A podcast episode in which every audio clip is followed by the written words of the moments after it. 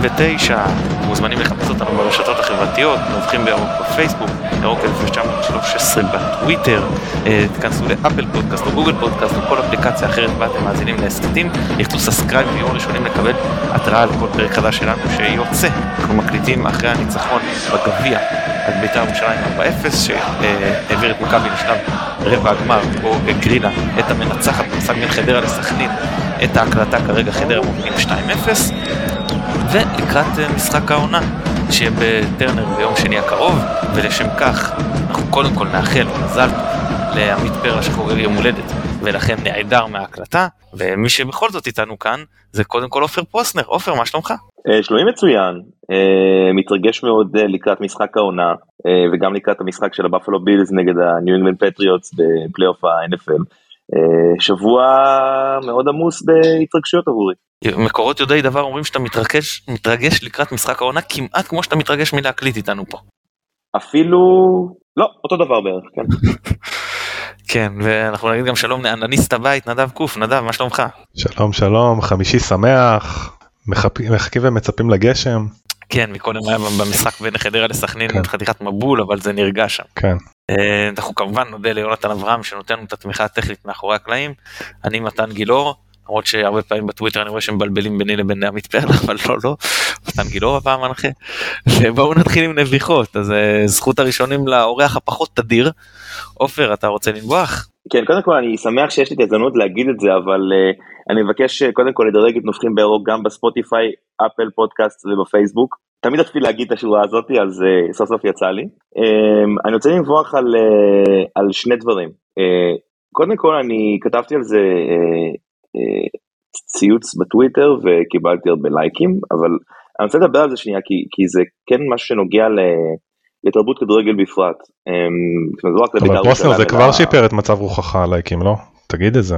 אה, הלייקים אתה לא מבין מה זה עושה לי אני הולך על ענן אבל אה, ראיתי את הרעיון של אופיר קריאף אתמול אחרי המשחק אה, ראיתי אותו בבוקר והוא הקפטן של בית"ר ירושלים כמדומני והוא הסביר הוא בכה הוא באמת בכה שם והיה מאוד עצוב הוא מאוד קשור לבית"ר ירושלים וזה בסדר והסביר אה, על אה, הפנדל שהיה ועל האדום ואיך הקבוצה אה, קצת התפרקה והוא לא דיבר בכלל על השער הראשון ולא מחויב המציאות שהוא עצמו הבקיע, שער עצמי. ואני חושב שלקחת, כן, ל, ל, אנחנו נדבר על זה, אבל לדרעי היה משחק נורא ואיום אתמול, אבל איפה אתה בתור קפטן מאשים ומוריד ככה על שחקן שזה פעם ראשונה שלו בהרכב ולא לוקח אחריות על עצמך? איזה מין קפטן אתה? אני לא יכול לראות לא את נטע עושה דבר כזה לא את שירן ייני עושה דבר כזה לא את בירם קיאל עושה דבר כזה. קפטנים של הקבוצות שלהם אתה יודע קפטן זה עדיין אמור להיות איזשהו משהו איזשהו שחקן שלוקח אחריות וכפני הקפטן שלה ככה בית"ר נראית אוקיי? ואנחנו נדבר על זה עוד אבל אה, אתה יודע להבדיל אלף אלפי הבדלות ואני מניח שנצייץ נדבר על זה מכבי נפרדה משחקן בקצה קצה קצה הספסל שלה בצורה הכי מכובדת שיש ואני חושב שאנחנו צריכים לשאוף שהכדורגל יותר כמו הטקס פרידה לאשכנזי מאשר איך שקריאב דיבר אתמול ב, ברעיון שלו אז זה אחד. והדבר השני שאני לדבר עליו זה שיש תופעה מאוד מכוערת שאני רואה כל משחק בית של מכבי כמעט. מי שמכיר אני, אני חונה יש לי חנייה ברחוב הוד לא משנה ואנחנו יורדים תמיד מהרחוב לכיוון האיצטדיון. אה, ונכנסים ליציע המזרחי ועוברים את, ה, את הכניסה ל, לכביש הגישה לאיצטדיון, הכביש העליון. ו, אה, ותמיד יש שם איזשהו ריב בין השוטרים למאבטחים למי שרוצה להיכנס ולא נותנים לו וזה תמיד מידרדר לקללות ולמשהו לא נעים. עכשיו זה לא שמישהו לא יודע שאי אפשר להחנות שם או כן אפשר, זאת אומרת מי שאמור להחנות שם ואני יודע כי אני מכיר עיתונאים שהייתה להם חניה באיצטדיון ויש שם חניות מסודרות למי שצריך להיות וגם בחלק הזה של זה וגם בחלק ההוא של זה, זאת אומרת, זה לא ש, שאנשים לא יודעים שהם לא יכולים להיכנס שם, אז למה זה צריך להגיע למצב הזה שיש כאלה ריבים אחרי שהיצאנו כבר קיים שבע שנים והוא די מסודר, ובאמת באמת די מתוקתק שם הכל, אמ, זה, זה דבר אה, נשגב מבינתי, ואם אפשר עוד משהו קטן שנזכרנו בשיחה הזאת, שאתמול עשו משהו מאוד מאוד יפה אה, בגביע, שפתחו את אה, שער EF ואני חושב גם EF ו-G, E ו-E, סליחה, לא, E, F, לא משנה, אבל אמ, D ו-F, אה, כל היציע המזרחי נתנו כניסה אה, אה, יותר רחבה בשער היותר צפוני, ואנשים נכנסו הרבה יותר מהר ממה שקורה בדרך כלל במשחקי ליגה, אולי זה כי השערים האלקטרונים לא עבדו, והיה שם איזה משהו שאני לא בטוח לגביו, אבל הייתה כניסה מאוד מהירה אתמול יחסית לכמות הקהל שהייתה, וסחטיין למכבי שהצליחו לארגן את זה, אה, היה ממש כיף להגיע אתמול למשחק מבחינת כניסות, מבחינת תחבורה, מבחינת נסיעה מתל אביב, תענוג. אה, אה, מאוד פחדתי מהמשחק הזה, כי גם היה פקק באמצע בנתניה, כי היה את המשחק של מכבי נתניה נגד באר שבע, הופתעתי לטובה, היה מאוד כיף להגיע אתמול. מעבר למשחק, היה גם כיף להגיע, וזהו. טוב, זה תוצאה של הבידודים ככל הנראה. כמות האוהדים שבאר שבע ייתנו אותו למשחק, לא, לא פלא שלא היה פקק. כן, למה כמה? אני מבין את החשש. היה מעט, לדעתי פחות מאלף הם הביאו. וואה, טוב, יפה. רוצה לנבוח, נדב? כן, אז uh, אני כן רוצה לדבר בקטנה, אני מניח שאתה גם, אתם, יהיה לכם המון מה להגיד לגבי העניין של החלוקת uh, כרטיסים למשחק נגד הפועל באר שבע, אז אני אגיד לטובה שאני מאוד מאוד מתחבר ואהבתי את החלוקת כרטיסים, למרות שאני לא עומד בתבחינים כי לא מספיק הייתי נאמן אולי העונה, אה, אבל אני חושב שזה מאוד אה, מאוד הוגן. אה, יחד עם זאת, אני חושב שכן נקודה לשיפור זה בעיניי לפחות זה העניין של הטיימינג, כאילו מתי ידענו שמשחק נגד הפועל באר שבע, אתמול, היום, כאילו כל כך הרבה זמן כבר ידענו, למה לחכות לדקה ה-90, סבבה, לקח הרבה זמן לחשוב על זה ולהחליט איזה מתווה הולכים, סבבה. פעם ראשונה שיש משחק בבאר שבע ויש הקצאה שכזו מול ביקוש שכזה, למה להודיע גם כמה דקות לפני, כשבאחד אה, המכירה מתחילה, זאת אומרת, הכל קורה בטווח זמן כל כך קצר, כאילו היה אפשר לחשוב על זה עוד הרבה לפני ולהגיד ביום חמישי באחת תתחיל המכירה ולהודיע את זה אפילו לפני המשחק נגד נגד בית"ר, אני פשוט לא מצליח להבין, כאילו המתווה נכון, ההסברה הייתה נכונה, אבל למה לחכות לדקה ה-90 בכל דבר? אני לא מצליח להבין. ועוד משהו ממש ממש בקטנה, אה, באסה באסה שאין אה, סטטיסטיקה נגישה לכל אה, אחרי משחקי גביע, אה, כי אנחנו הולכים לדבר על המשחק אתמול, אני מרגיש שאני כאילו קצת, אה, נדבר קצת כמו בפרשנויות של שירים ושערים אולי, ולא אה, מבוסס נתונים, אבל בסדר. תראה, אני אגיד לך משהו. קודם כל אני חושב שהמתווה הוא הוגן, ואין איתו בעיה, ואני קודם מדבר לגבי המתווה. עם זאת, אני חושב שהיה ראוי להציג משהו בתחילת העונה. ולהגיד נכון שלא ידעו ספציפית שזה יהיה באר שבע מכבי, אבל אתה יודע מה המשחקים עם האקסטרה ביקוש כל עונה. אז תגיד, או שתגיד מראש, אם יהיו משחקים שאנחנו נזהה, כי מכבי יודעת לעשות את, ה, את ה profiling הזה, כן? אנחנו נזהה שיש ביקוש מאוד מאוד גדול ביחס לכרטיסים, זאת הדרך בה אנחנו נתעדף. א', מנוי חוץ, ב', ככה אה, הרבה משחקים, אה, משחקי חוץ אה, וגריפוס, ג', אנשים עם שיער ג'ינג'י, לא יודע, אני לא נכנס כרגע, תיתנו את הקריטריונים לאוהדים שהם ידעו לעבוד. מתי לא מדברים על שיער בתוכניות שבה אנחנו משתתפים שלכולנו אין שיער. כן, זה נכון. זו נקודה רגישה. אבל זה הופך אותנו לחסרי פניות, זה בדיוק העניין. גם נכון. לי יש הרבה שיער פשוט לא על הראש.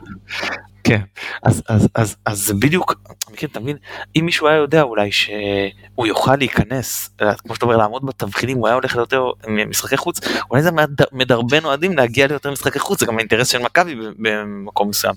אין כלכלי מבחינת העמלות ואין ספורט אה, הישגי, אה, אה, הישגי כי זה קהל רב במשחק דוחף את הקבוצה, ואין ציבורי שאתה רוצה את האוהדים שלך איתך באיצטדיון. אז האנשים יודעים לעמוד בזה, או למשל היו יודעים לעשות השתלת שיער במקרה שלנו ולצבוע לג'ינג'י, כן? כאילו, כל, אתה מבין, כל uh, קריטריון היית יודע איך להתייחס אליו. אפשר גם להגיד שיטת נקודות, כן?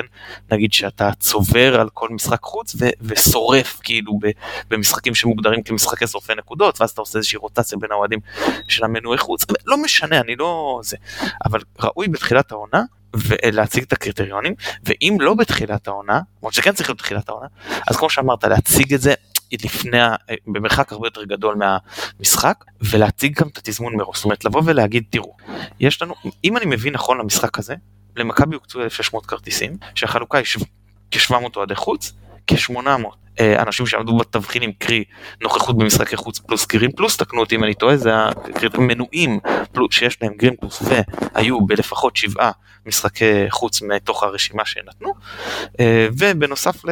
אה, והמאה כרטיסים הנותרים אני מניח שהם למנויי יהלום, וכרטיסים שמחולקים להם קורבים, שחקנים, יש, נותנים להם כל אחד איזה כרטיס שניים לחלק וכיוצא בזה. אז אני אומר לגבי אותם 800, אז נגיד שבקריטריונים עומדים סתם 2,000, אני סתם זורק, זה לא משנה.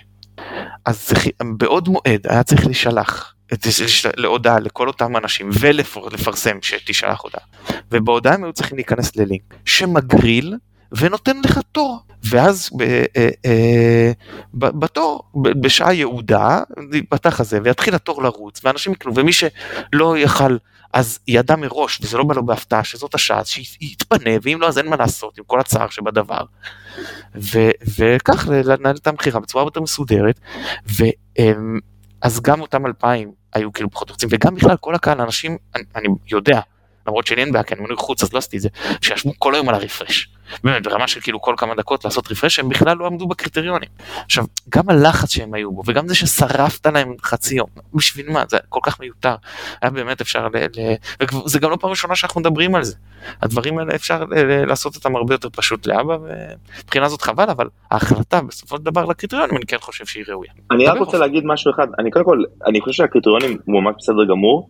הדבר היחיד שהייתי רוצה אם מישהו ממכבי שומע אותנו רק רק בעיה אחת קטנה עם הדבר הזה אגב, אני לא הצגתי כרטיס וממש אין לי בעיה עם הקריטריון הזה, אני חושב שהוא ראוי וצודק, אני אומר את זה פה בריש גלי. מה שכן קצת מפריע לי, ואני לא יודע אם אפשר לעשות את זה או לא, אני חושב שראוי שיהיה גם איזשהו אה, אלמנט היסטורי, זאת אומרת, רק משחקי חוץ מהעונה הזאתי, אפשר גם לדבר על משחק, איזשהו רצף היסטורי, זאת אומרת, אני, אני חושב על איך זה נעשה בחו"ל, אה, יש נקודות, אה, נאמנות, אתה צובר אותה משנה לשנה, אה, אפשר לעשות את זה שיהיה קצת יותר צבור כדי אה, להחריג קצת יותר אנשים או לתת איזה משהו שהוא אה, נותן עוד ערך לנאמנות על פני כמה שנים ולא רק על שנה אחת, אבל באמת שאין עם זה שום בעיה עם, עם הזה, באמת כולנו מסכימים פה, רק להודיע לפני. זאת אומרת, כמו שהם מוכרים משחקים, משחקי בית למכבי, מתחילים למכור אותם חודש לפני לפעמים, אפשר גם את זה למכור, לספר על מה יהיה חודש בחוץ. אם מכבי תל אביב הודיעה על מתווה מכירת הכרטיסים למשחק בית שלה מול פז ואיינדובן חודשיים לפני, אז מכבי חיפה גם יכולה לעשות את זה, לא כזה מסובך אני חושב, ואני איתך לגמרי מתן. לא, הבנתי שהם קיבלו לא מזמן את הכרטיסים מבאר שבע, אבל זה בסדר, ידעת שתקבל את הצפונים, ידעת שתקבל את המינימום, אין פה הפתעות. הכרטיסים מבאר שבע התחילו לי, התחילו למכור כרטיסים, באר שבע התחילו למכור כרטיסים לאוהדים שלהם אה, בתחילת שבוע, בתחילת השבוע. לא, זה לא משנה, זה לא אומר שהם הקצו גם להעבירו לנו את הכרטיסים. באותו זמן זה עובד באותו זמן, באותו זמן זה עובר. יום הבדל okay. יום, אוקיי. אבל הם יודעים כמה יש להם. זה לא שזה כרטיסים פיזיים, אתה יודע. תראה, אולי הם חשבו לא, שהם יקבלו עוד הקצאות או משהו כזה, וגם אם כן, כאילו, אפשר להסביר את הדברים האלה, אפשר כאילו לשקף את זה לקהל, זאת אומרת, אבל באמת, כמו שמתן אמר, כאילו, הדברים האלה כבר ידועים, זה לא שיש פה הפתעות או דברים שהם אף פעם לא קרו. אפשר להחליט בתחילת העונה את הקריטריונים, להודיע לקהל מראש, כל אחד אוהב שהוא מתכונן מראש, שמכינים אותו מראש לסיטואציות, וזהו, לסגור את הסיפור, ולמה להיתקל בזה בכלל כל משחק חוץ מחדש, אני לא מבין את זה. בסדר. כן, טוב חברים אז אה, מעבר לזה גם היה לנו אה, ניצחון אה, נאה אז בואו נתחיל כל אחד ייתן ככה את המשפט שלו לסיכום ואחרי זה נצלול ככה לסיכום קונקרטי יותר וזה רוצה להיות קטנה יותר אז נדב בוא תתחיל עם משפט הסיכום שלך למשחק. אז במשפט מכבי שיחקה את המשחק הרגיל שלה. אני מודה שחשבתי שלפני המשחק אה, אולי המסורת בכל זאת אה, והגביע אה, יעשו פה איזשהו אפקט אחר, אבל כנראה שהחולשה של בית"ר הייתה עד כדי כך משמעותית כדי שאנחנו נעבור את המשחק הזה בצורה מאוד מאוד קלה. עופר, משפט הסיכום שלך? אמ, מכבי קבוצה פיקחת וחכמה, והם ראו מתחילת המשחק שכשקבוצה עולה מולה עם שחקן נוער,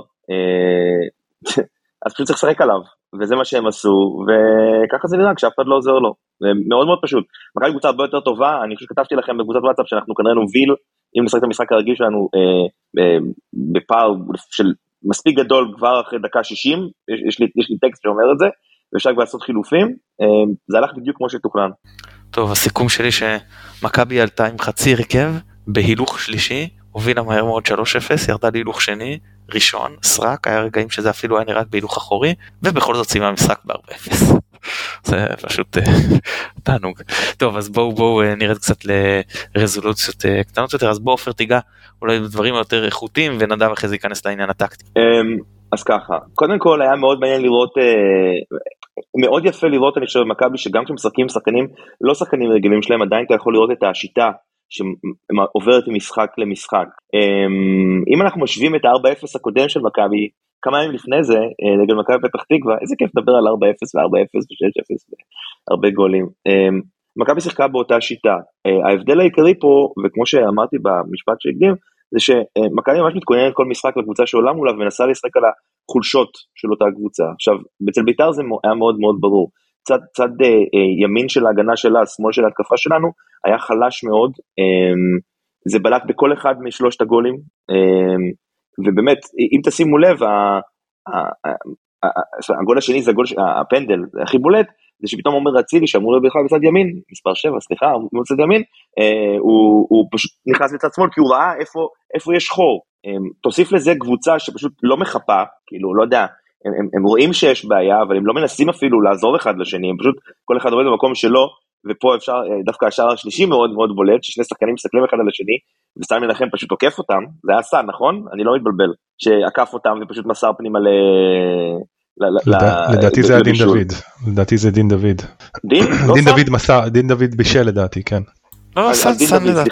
כן, אני, סאן? אני כמעט בטוח שזה סאן, כי ראיתי את זה שידור חוזר, אבל, אבל אני... מי שזה לא יהיה, סאן, סאן שחקן. צד שמאל. שחקן צד שמאל ש, שפשוט בא ואמר תודה רבה, שני שחקנים מסתכלים אחד על השני כמו איזה קומדיה בריטית מוזרה, אה, ופשוט לוק- לוקח את הכדור ונותן אותו פנימה.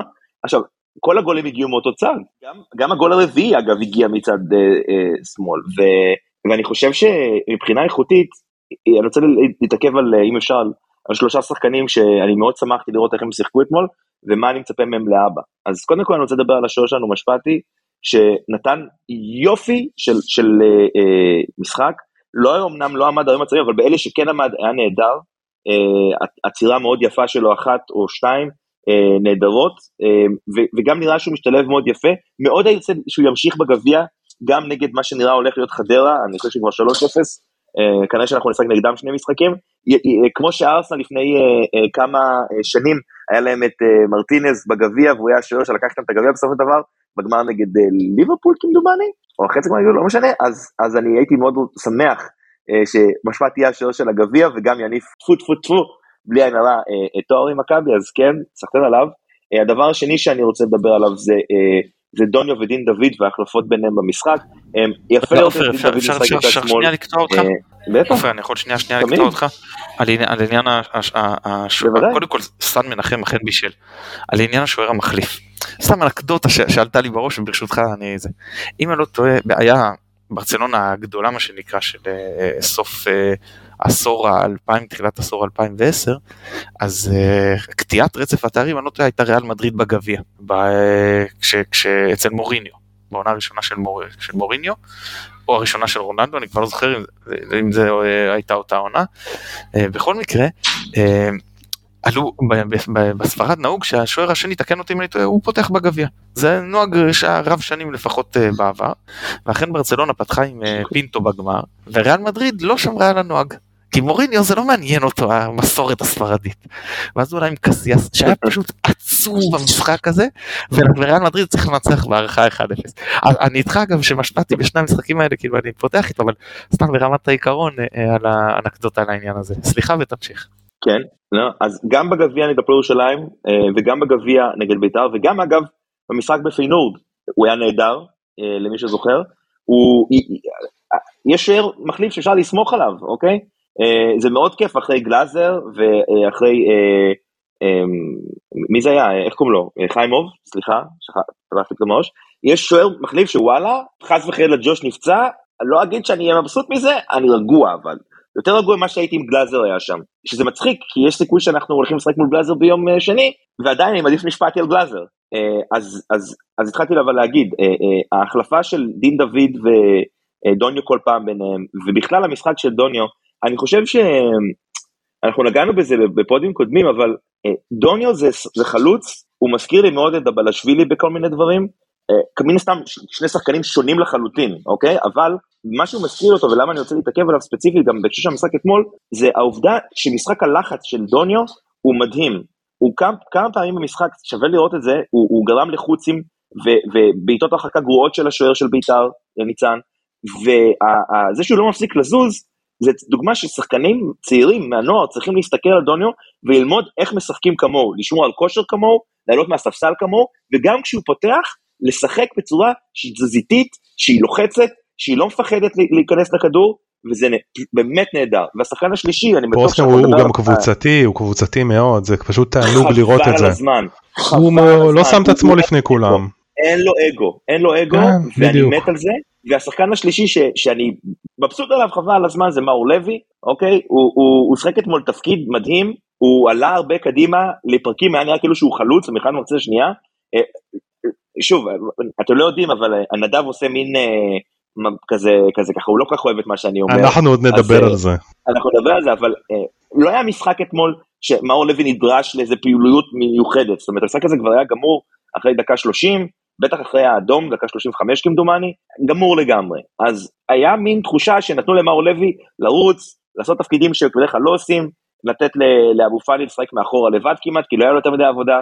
אה, זה היה מאוד מאוד כיף לראות את זה. אמ, ואני מקווה שעוד ניגע גם באשכנזי לפני שנשאר, אבל אלה שלושה שחקנים שרציתי להתעכב עליהם, מכבי שיחקה אתמול, יודע, 1, 2, 3, גמרה את המשחק, אפשר לסגור אותו כבר בדקה ה-30 אחרי ה-3-0, זה היה כל כך ברור, כן ירבו משחקים כאלה, שאני יכול לשבת, ידיים ככה מאחורי הראש, לאכול קרטיב, לדבר על שטויות עם חברים שלי, ולהגיד, יאללה, אה, להתרווח בכיף. וזה היה תענוג, ותודה למכבי, תודה רבה על המשחק הזה. כן, נדב, הסיכום שלך.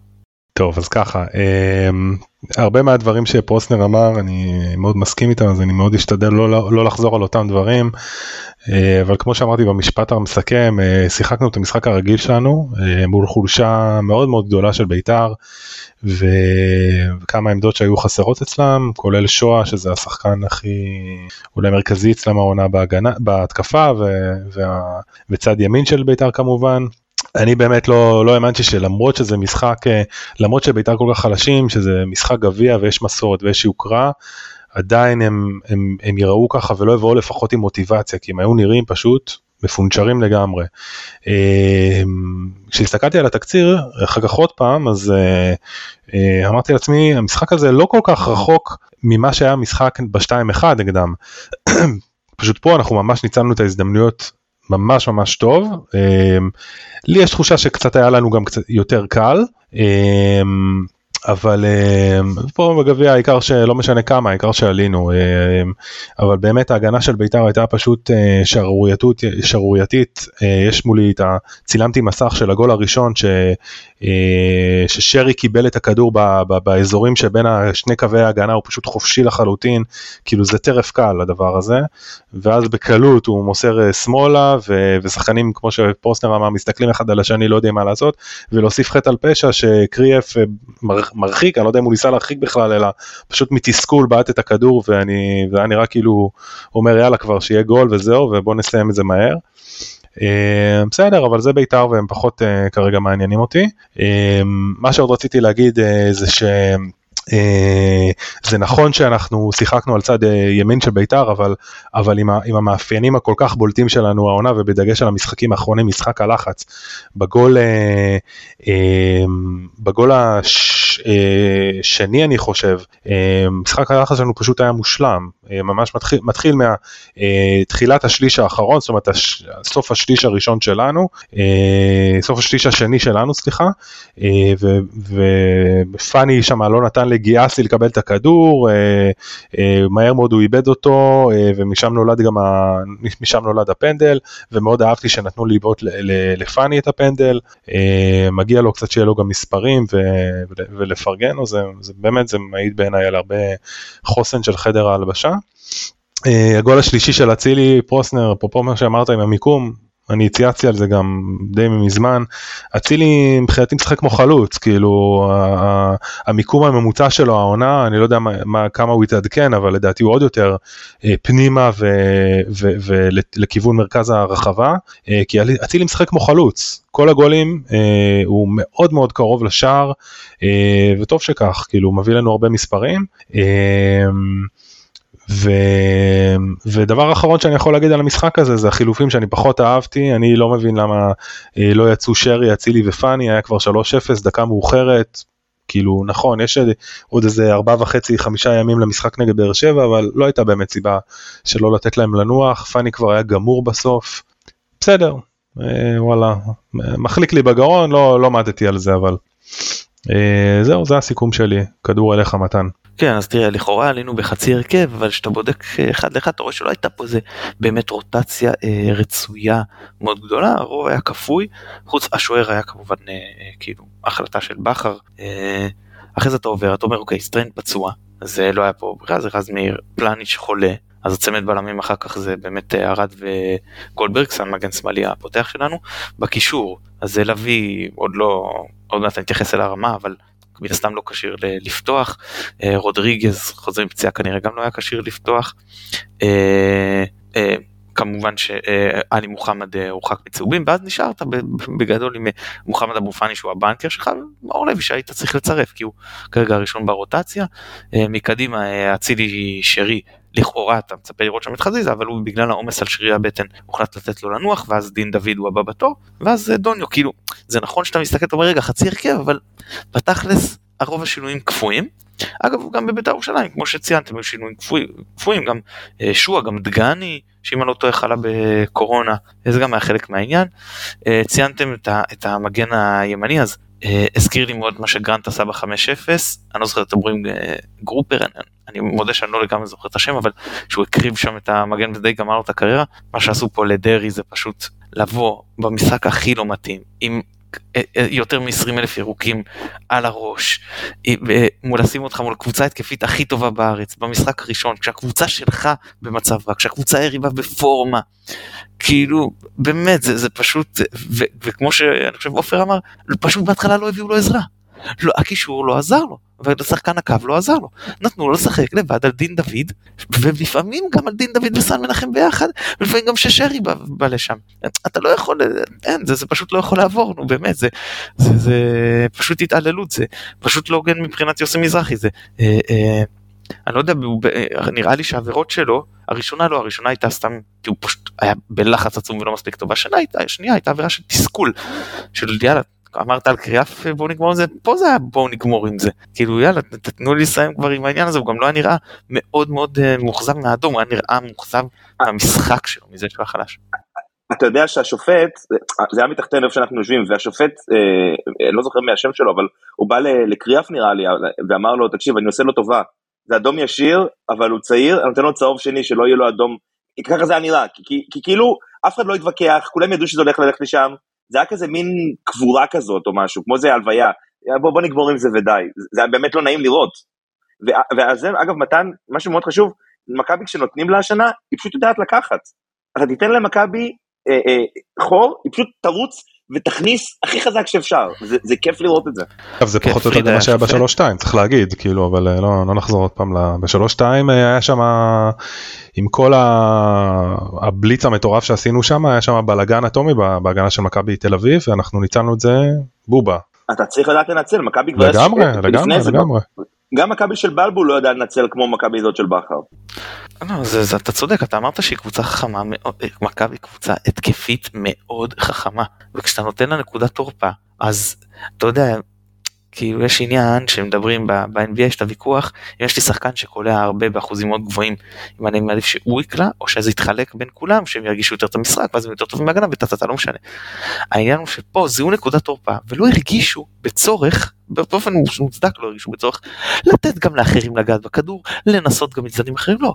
יש את נקודת תורפה התקפה אחרי התקפה אחרי התקפה לטחון את זה עד שזה מתפרק עד שאתה, עד שאתה מקבל את השער מהשער הגיע משמאל. והפנדל, ואחרי זה גם עוד שער הגיע משמאל, כאילו, למה, שתלך ימינה? נכון שאצילי השחקן התקפי הכי אה, מוצלח שלך העונה והוא משחק בימין. אז במשחק אחד זה יהיה פחות עליו.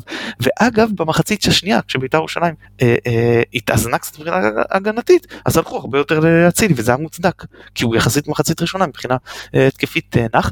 ואם שמתם לב גם במחצית השנייה לאצילי היה המון כוח הוא אמנם אה, כל מכבי זלזלה והוא גם נדבק בזה מבחינה התקפית אבל שמתם לב איזה ספרינטים הוא דפק בריצות אחורה להוציא כדורים שהוא איבד? זה לא אופייני. זה לא שזה לא אופייני להציל הוא כן שחקן שנותן הכל אבל רואים שגם הוא מתעייף. פה הוא לא עייף כי פשוט לא שיחקו עליו כמעט במחצית ראשונה לא שוב אין לנו את הנתונים אבל אני הרגשתי שמכבי הלכה הרבה פחות ימינה במחצית הראשונה. אגב מאיזה שלב כן התחילו להביא לדרעי אה, עזרה אני חושב ש... ש אני אפילו לא זוכר מי, מי השחקן שעזר לו שם, אבל באמת זה, לא משנה, כי זה פשוט אולי ג'אסי, אבל זה כבר היה פשוט הוא כבר הכל התפרק ואחרי זה לבוא ולנסות להחזיר שאתה כבר בפיגור 2-0 זה באמת היה הרבה יותר מדי מאוחר. אז מכבי כמו שאמרתי עשתה את הסכמה שלה אותו דבר פשוט עם אה, שחקנים אחרים. זלזול נוראי במחצית השנייה אה, חילופים שמוקדמים זה טוב אני מסכים שהיה נכון אה, להוציא חלק משחקני המפתח בשלב מוקדם יותר כדי שינוחו לקראת המשך הליגה. אה, אהבתי את זה שדין דוד, נדב אני חושב שאתה אמרת לנו, או שמישהו אחר שהוא שיחק הכי הרבה משחקים עד עכשיו, אה, מכל הסגל של מכבי, אז זה בהחלט היה טוב שאותו החליפו. אה, נכון שהיה מקום אולי להחליף גם שחקני, עוד שחקני ליבה. לא, אני, אני אוהב את המשחקים האלה, אני מודה שאנחנו גומרים אותם מוקדם, אין לחץ, אפשר ליהנות מהצגה של כדורגל, וגם אם מכבי מזלזלת קצת, זה לא מאוד נורא. אפרופו אה, אגב אה, קבוצה חכמה התקפית אה, נעשה רגע עוד פעם חיבור ל-94 אבל אז אני זוכר טוב טוב שהם דיברו על זה ששפיגל לימד את הקבוצה איך לחשוב התקפה זאת אומרת טקטיקה התקפית וזה חוזר כאילו גם היום. כן, אני אתקן, אה, משה קשטן שלנו מעדכן אותי שווילנצ'יק היה המגן באמת של לשים אותו מול עטר בשיאו. זאת אומרת, היה דבר מאוד הגיוני מצד גרנט לעשות, אבל אנחנו כמובן לא נתלונן וגם אנחנו לא נתלונן שמזרחי בחר לעשות לנו אה, אותו דבר עם אה, דריה פעם. אה, זהו חברים אז, אז באמת מעבר לזה אני לא, לא רואה יותר מדי לדבר על המשחק הזה שנגמר מוקדם פשוט קבוצה אחת הרבה הרבה יותר טובה מהקבוצה השנייה. הספקנו לתת אפילו לכמה שחקנים לנוח. פרידה מרגשת מיובל אשכנזי. אה, עוד דברים על המשחק עופר אתה רואה עוד משהו? כן יש יש משהו על משהו שאתה אמרת ועניין אותי מה החברים המכובדים בפאנל חושבים. אמ, אתה אמרת שמכבי חיפה זלזלה במחצית השנייה ואני לא בטוח שהיא זלזלה כמו שהיא החליטה שהיא לא משפילה את ביתר עד עפר. אה, מתי אמר, זאת אומרת, אני חושב שהייתה איזו החלטה מודעת של כל הקבוצה, החל מבכר ועד אחרון השחקנים, בגלל שזה גביע ולא ליגה ואין משמעות להפרש שערים פה, אה, לא, לא להשפיל את ביתר יותר מדי, כי אני, אני חושב מי שהיה במגרש אולי שם לב לזה, הייתה סיטואציה מאוד מאוד לא נעימה עם הקהל של ביתר.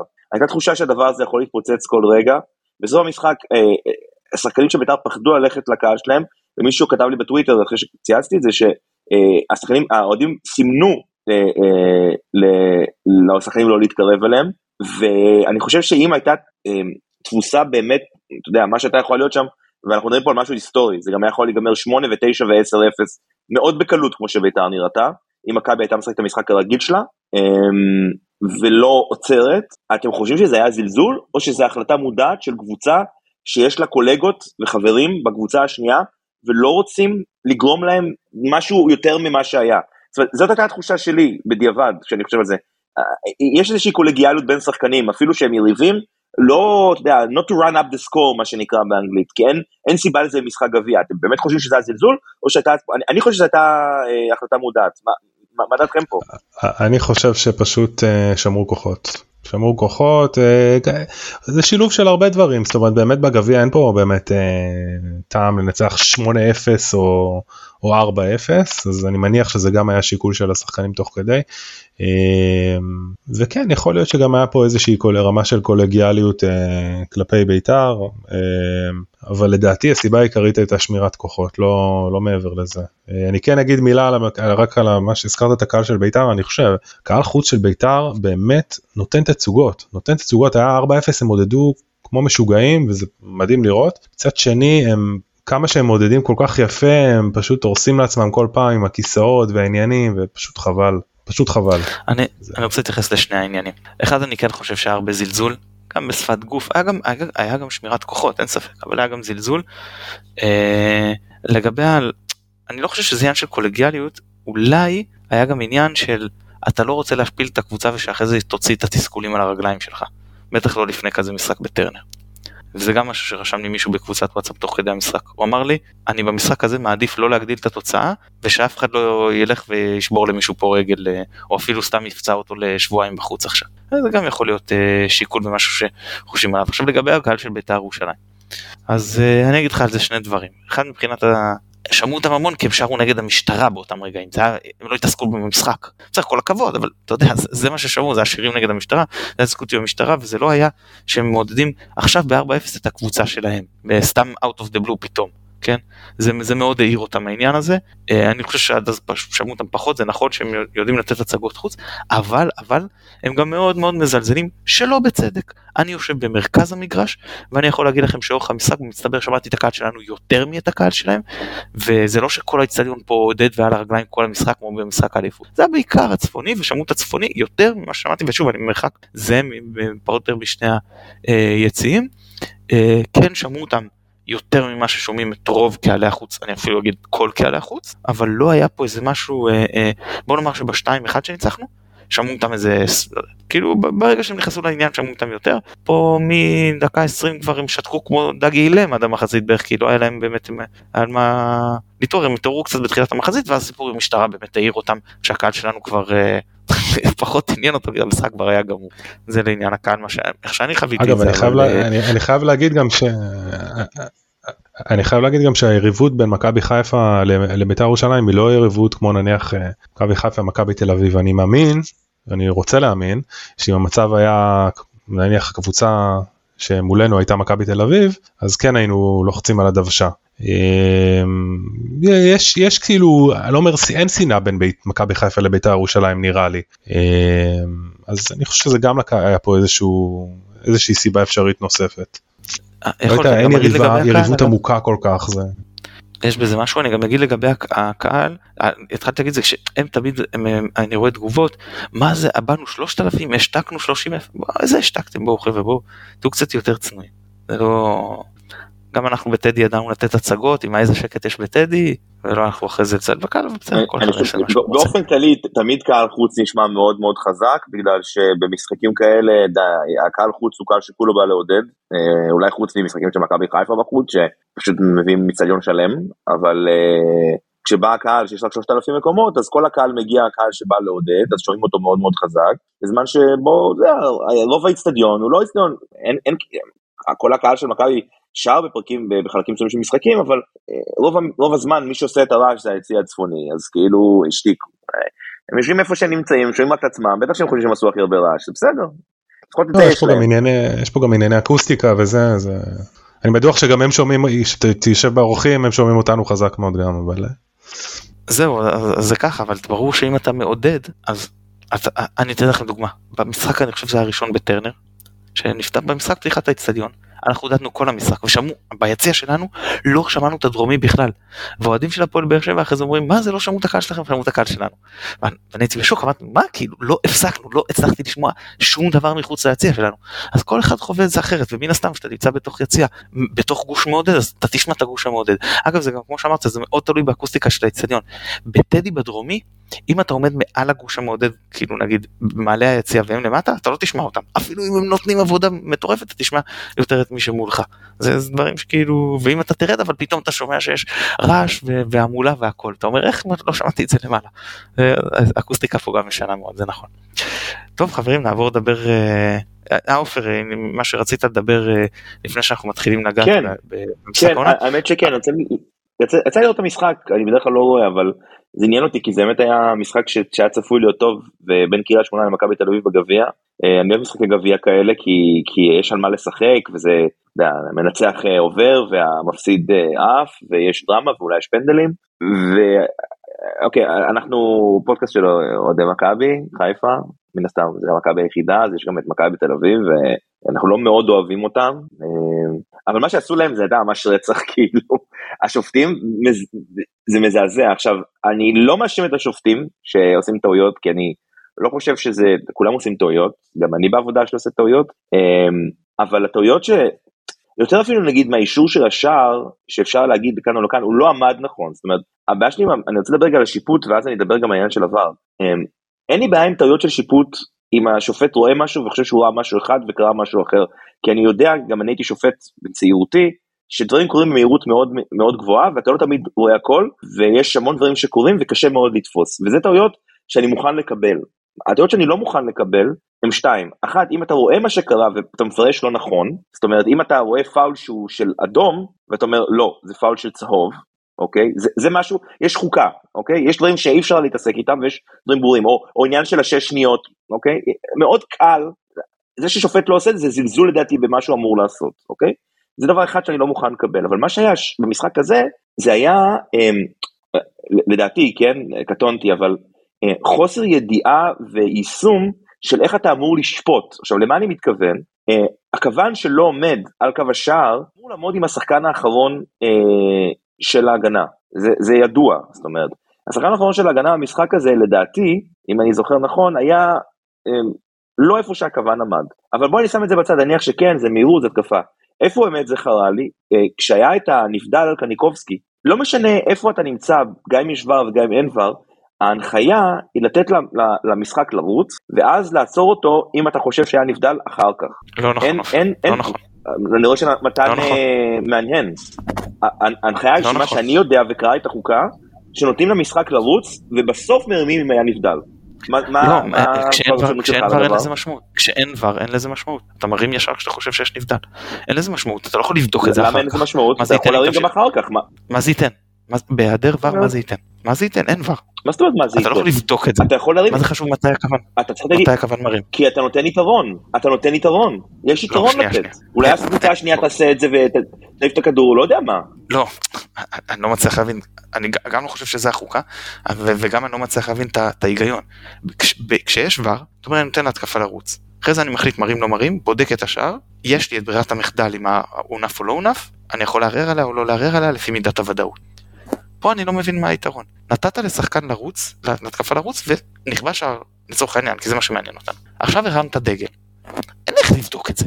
מה זה חשוב אם היית עושה את זה לפני 40 מטר שסתם השחקן עכשיו שרף אנרגיה של חצי מגרש? אין כלום. הכוון הרים, השופט שרק, השופט יכול לקבל את ההחלטה של הכוון או לא לקבל את ההחלטה של הכוון ברגע ההנפה. אני לא רואה פה, אני גם לא, לא, חושב, לא חושב שזאת החוקה, אני אשמח אם תפנה אותי, אבל אני לא מכיר שזאת החוקה, ואני גם לא רואה בזה שום יתרון לא, לתת אבל- להתקפה להמשיך, אין לזה ערך. אני, אני, סבבה, אני שם את זה בצד, אבל אני אגיד עוד משהו אחד, כי זה כן. תראו, אמ, יש בעיה מאוד אינהרנטית בלשחק משחקים כאלה בלי ור. אני מבין את הסיטואציה, ואולי את העניין של הכספים, וזה שיש אצטדיונים כמו האצטדיון באשקלון, או לא יודע איפה, למרות שהמשחק הזה היה בקריית שמונה ואין סיבה שלא היה ור, אבל אני יודע שזה החוק, אבל יש בעיה הרבה יותר עמוקה מהדבר הזה, אוקיי? וזה בדיוק מה שהסברת עכשיו, אוקיי? אני ואתה התווכחנו עכשיו על משהו, ואנחנו בסדר שאנחנו מתווכחים, אנחנו אוהדים, אני חושב ככה, אתה חושב ככה, אולי החוקה בצד שלך, אולי החוקה בצד שלי, נבדוק את זה אחר כך. אבל איך שופט, ששופט משחק פעם בשבוע, פעם בשבוע, אמור לזכור כל פעם אם יש VAR או אין VAR, מה הוא צריך לעשות, אם יש שינויים ממש בחוקה, עם VAR או, או בלי VAR. אתה מבין, אתה חושב שבהחלטה של רגע, האינסטינקט שלך, אה, אה, אה, היא, הוא, הוא, הוא מין דבר כזה כאילו, יום, יום שבת בקריית שמונה אז כן היה VAR, אז יכולתי לחכות עם הדגל, אבל עכשיו בגלל שזה משחק גביע, אין VAR, אז אני לא מחכה עם הדגל ישר מרים. זה, זה, זה גם דבר לא פיירי להעמיס על השופטים. עכשיו, אני, אני כן, יש לי המון ביקורת אבל על זה, עופר זה קורה כל הזמן.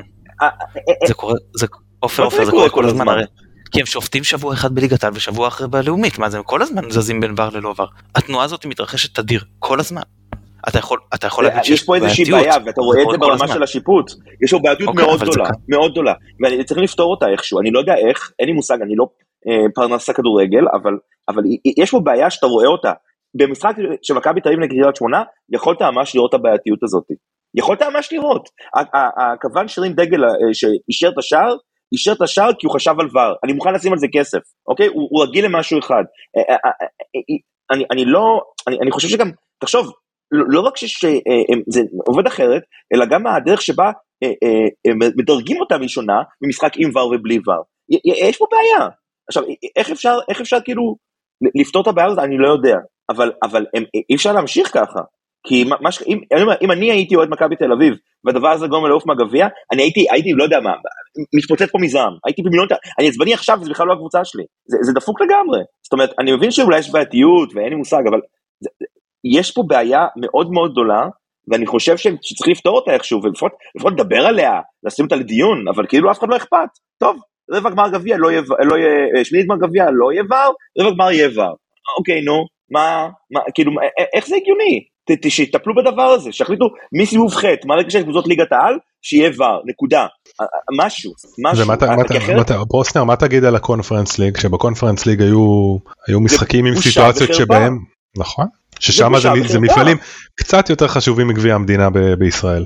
אני, אני, שוב, אני לא מתיימר לפתור את כל הבעיות בעולם, אני גם לא מתעצבן על כל הבעיות בעולם, אבל זה דבר, באמת, באמת כאילו, זה, זה בלתי נתפס. אתה, אני מוכן לקבל שבגביע המדינה חלק מהמשחקים יהיו עם ור, ורק בלי ור בהתאם לאיצטדיון, גם את זה אני מוכן לקבל, אם זה עניין של תשתיות. אבל אין שום סיבה שיש ור באיצטדיון, ולא להפעיל אותו בשביל חצי, בשביל, כי, כי, כי זה טורניר אחר, זה, זה בלתי נתפס, זה בלתי נתפס. צריך להגיד איך, אומר, כאילו. איך, איך דיברנו לפני כמה שנים ואיך אנחנו עכשיו, כאילו, מה, איך, לפעמים אתה מרגיש, בואנה, מה עשינו בלי עבר כל כך הרבה שנים. אבל, אבל זה ככה, מה, מה לעשות, זה, זה כמו ש... זה כמו ל... איך תכנה עכשיו ברוורס אם אין לך את, איך קוראים לזה, את מובלי, אה, או לא זוכר כבר דבר הזה, בלי שאותו ישן, אין בו כלום, אבל אתה יודע, אנחנו מתקדמים עם הזמן, אנחנו לא הולכים אחורה. אין סיבה, אה, אוקיי, פעם בשנה כל האנשים יתכנסו... מישהו מכוון אותך ברוורס, עופר? אתה רוצה להגיד את זה? אני מכוון את עצמי כי אני חיפאי ואני יודע להקנות יותר טוב מכל אחד אחר. אבל, אה, אבל באמת, באמת אני אומר לכם, זה, זה כמו שיום אחד בשנה או בשבוע כולנו נרכב על סוסים ו, ו, ונשתמש בעט ונייר במקום המחשבים, כי אנחנו בגביע המדינה. אה, זה, זה בלתי נתפס בעיניי. סליחה, זה משגע אותי, באמת זה משגע אותי. אני לא רוצה לדבר על יותר מדי, כאילו אמרתי מספיק, אבל אני לא מבין איך, איך אפשר לעשות דבר כזה. לא מבין. זהו, הוצאתי, סליחה, אני מצטער לכל המאזינים שמדברים על מכבי תל אביב. יש, יש הבדל, אני חושב, מהקונפרנס ליג. אה, יש היגיון שבליגה האזורית זה לא יהיה במוקדמות, וזה, אבל זה כן היה צריך להיות בשלב הבתים שהקבוצות קיבלו מספיק כסף כדי להתקין כזה באצטדיונים, או לעבור לאצטדיונים. כשאתה בשלב בתים אז זה כבר יכול להצדיק. עכשיו לגבי גביע המדינה, לעשות באותה תחרות חוקים שונים בין משחקים זה בעיה. זו בעיה, אה, זאת אומרת באותו שלב. עכשיו השאלה היא, כמו שאתה אומר, אני לא יכול להתחיל את זה מסיבוב א', זה ברור שאני לא יכול במשחק בין קבוצות ליגה ג', שזה סיבוב הסיבובים הראשונים, אה, אה, להכיל את זה. מצד שני, ברור שאני לא יכול לשחק את הגמר בלי, בסדר? אז השאלה איפה עובר את הנקודת שוויון הזאת. אז מה שאני אומר, זה שצריך למצוא את השלב אה, המדויק להתחיל ממנו. כרגע זה הרבע, יכול להיות שאם אתה חושב השמינית, שיהיה השמינית, סיבוב חצי, סיבוב חצי, יכול להיות. צריך לקחת, לקחת בחשבון שכל סיבוב שאתה מכיל את זה עליו, זה יפגע בקבוצות הקטנות, כי תראה זה בעיה לעשות חצי, שוב כמו שאמרתי, אה, חצי שלב עם וחצי שלב בלי ואתה בעצם אה, דוחק אותם לאצטדיונים הגדולים, אתה מוציא אותם מהביטיות. אני לא יודע, אני לא יודע, אם אתה שואל אותי אם אני צריך... אה, אני הייתי לקבל את החלטה, אני חושב שהשמינית זה השלב הנכון, סיבוב ח' זה עוד מוקדם מדי. אה, יכול להיות שזה השלב גם לאט לאט להוסיף יותר אצטדיונים. מה שכן, בהיבט קצת רחב יותר, אני אתן לזה משפט, כי זה נגע אם להעביר שנה שעברה את משחק האליפות. אני אומר שככה, כל אצטדיון שמאושר לליגת העל, זה אצטדיון שעבר צריך להיות בו טוב, ואי אפשר להגיד בגלל הזווית של עבר לא קיבלנו מענה מספיק טוב, זה אצטדיון שיכול לארח משחק אליפות, בגדול זה ציון שיש בו את כל התנאים בשביל שיהיה אה, אה, משחק ליגת על בלי להגיד לא אבל במשחק הזה מביא לא אבל פה יש לי בעיה בלי כל השטויות האלה שישארו עם כמה אצטדיונים שישארו ויתחילו לשפר את השאר זה לעניין הזה. אה, עוד משהו שאתם רוצים. להגיד לגבי זה או שאנחנו מתחילים להתכונן למשחק בטרנר. אפשר לעבור לפועל באר שבע. כן. טוב אז בואו נתחיל אה, לדבר דווקא על המארחת אה, מישהו מכם רוצה להתחיל לזכור אותה או שאני אתחיל מה בא לכם? ימשיך כבודו. יאללה אז אה, דיברתם על עופר דיבר על גלאזר אז בואו נתחיל ממנו כי הוא הצפוי לפתוח בבאר שבע למרות שמי שפתח בגביע היה אריאל הרוש. אני אגיד תראה גלאזר גם אצלנו היה שוער קו טוב לא מצוין אבל טוב הבעיה שלו הייתה בדברים אחרים. עכשיו במכבי זה אה, מאוד בא לידי ביטוי משתי סיבות. א' זאת היו שנים גרועות שלנו, או שלוש סיבות צריך להגיד. שנים גרועות עם שחקנים פשוט פחות טובים. אה, סיבה שנייה זה היה קישור אחורי. אה, איום ונורא לאורך רוב השנים האלה מה שגרם להתקפות להתנפץ על הבלמים. למרות שזה לא נכון בעונה שעברה שהוא גם שיחק כמה משחקים והיה לו טוב אבל ברוב המשחקים שלו במכבי ואז גם יותר דברים מגיעים לשוער והסיפור ששיחקנו עם בלמים מאוד לא טכניים. עכשיו באר שבע הוא גם משחק קו הגנה יותר נמוך, גם עם קישור אחורי יותר טוב, וגם עם, אה, עם אה, הגנה שהיא מאוד טכנית, זאת אומרת אה, ויטור ואלביד, וזה גורם לזה שהיתרונות שלו יכולים לבוא יותר לידי ביטוי, והחסרונות שלו, משחק הגובה, משחק הרגל, פחות מורגשים. האם הייתי מעדיף אותו במקום ג'וש? בוודאי שלא, אני רק אומר שבמקרה, המצב הנוכחי הוא לכל הפחות שוער ליגת לגיטימי כמו שהוא בא לידי ביטוי בבאר שבע. אז הוא בקיצור השוער. אני לא יודע עדיין איך יפתחו אבל מגן ימני סביר להניח שיפתח אה, אורדדיה. בלמים אז מיגל ויטור וחאתם עבד אל חמיד, למרות שתקנו אותי אם אני טועה, אל חמיד אה, פצוע נכון או, משהו כזה היה אה, פצוע בגביע אז לא ברור אם הוא אה, אה, כן. כן ישחק לא ישחק אנחנו, מקווים שהוא לא ישחק אבל הוא באמת שחקן חשוב אני מניח שהוא כן יפתח. עכשיו שאלה אם הוא יכול שלושה בלמים כמו שהם פתחו נגד מכבי תל אביב ואז סביר להניח שאיתן טיבי יפתח או שהם יעברו למערך של ארבעה בהגנה אני לא יודע. צריך מן הסתם להתכונן לכל אפשרות. עכשיו לגבי לופז אם אני לא טועה הוא נכנס לבידוד ביום שלישי נכון? הודיעו שהוא uh, חולה קורונה. עכשיו שאלה מתי זה התגלה, לי יש תחושה ש, ש, שיצליחו להוציא אותו בזמן ושהוא לא יודע, תחושה אני לא יודע, כן? שהוא כן ישחק אה, מגן שמאלי בסופו של דבר במשחק, uh, אבל אנחנו גם פה נחכה ונראה אז בריירו אין שאלה. ספורי אין שאלה, אני לא יודע אם זה כן יהיה פטר, פטרוצ'י או, או אולי אה, אה, יוספי שישחק אה, גם בקישור. אה, בהתקפה אני מניח שיפתחו עם... אה, אה רוקאביצה אנחנו לא יודעים כי הוא לא שיחק בגביע כי הוא היה פצוע, ושכטר הוחלף בגביע כי הוא נפצע, נכון? אז אה, באמת קשה לדעת מי יפתח שם, זה, אה, אם שניהם פצועים אז זה יהיה שגיב יחזקאל. אחרת אה, אם אחד מהם יהיה כשיר אז אני מניח שהוא יפתח לפניו. אה, פספסתי מישהו או שאולי דורמיך אתם חושבים שיש סיכוי שיפתח או אספריה יש סיכוי שיפתח או אנסה יש סיכוי שיפתח כאילו יש להם כלים מהספסל גם אם זה ההרכב. אני חושב שזו השאלה מה אה, מה מה רוני מה רוני לוי כאילו מתכנן אני אני מאמין אני מאמין שרוני לוי ילך על אותו קו וישחק עם השיטה הקבועה שלו עם שלושה בלמים אני לא לא מאמין שהוא ינסה להפתיע. אה, אם הוא ינסה להפתיע זה לדעתי יהיה לרעתו כי זה משחק ראשון שלשחק נניח קו 4 קשה לי להאמין אני כן חושב שאם רגע מדברים על באר שבע שיש פה כמה נקודות מנטליות מאוד חשובות.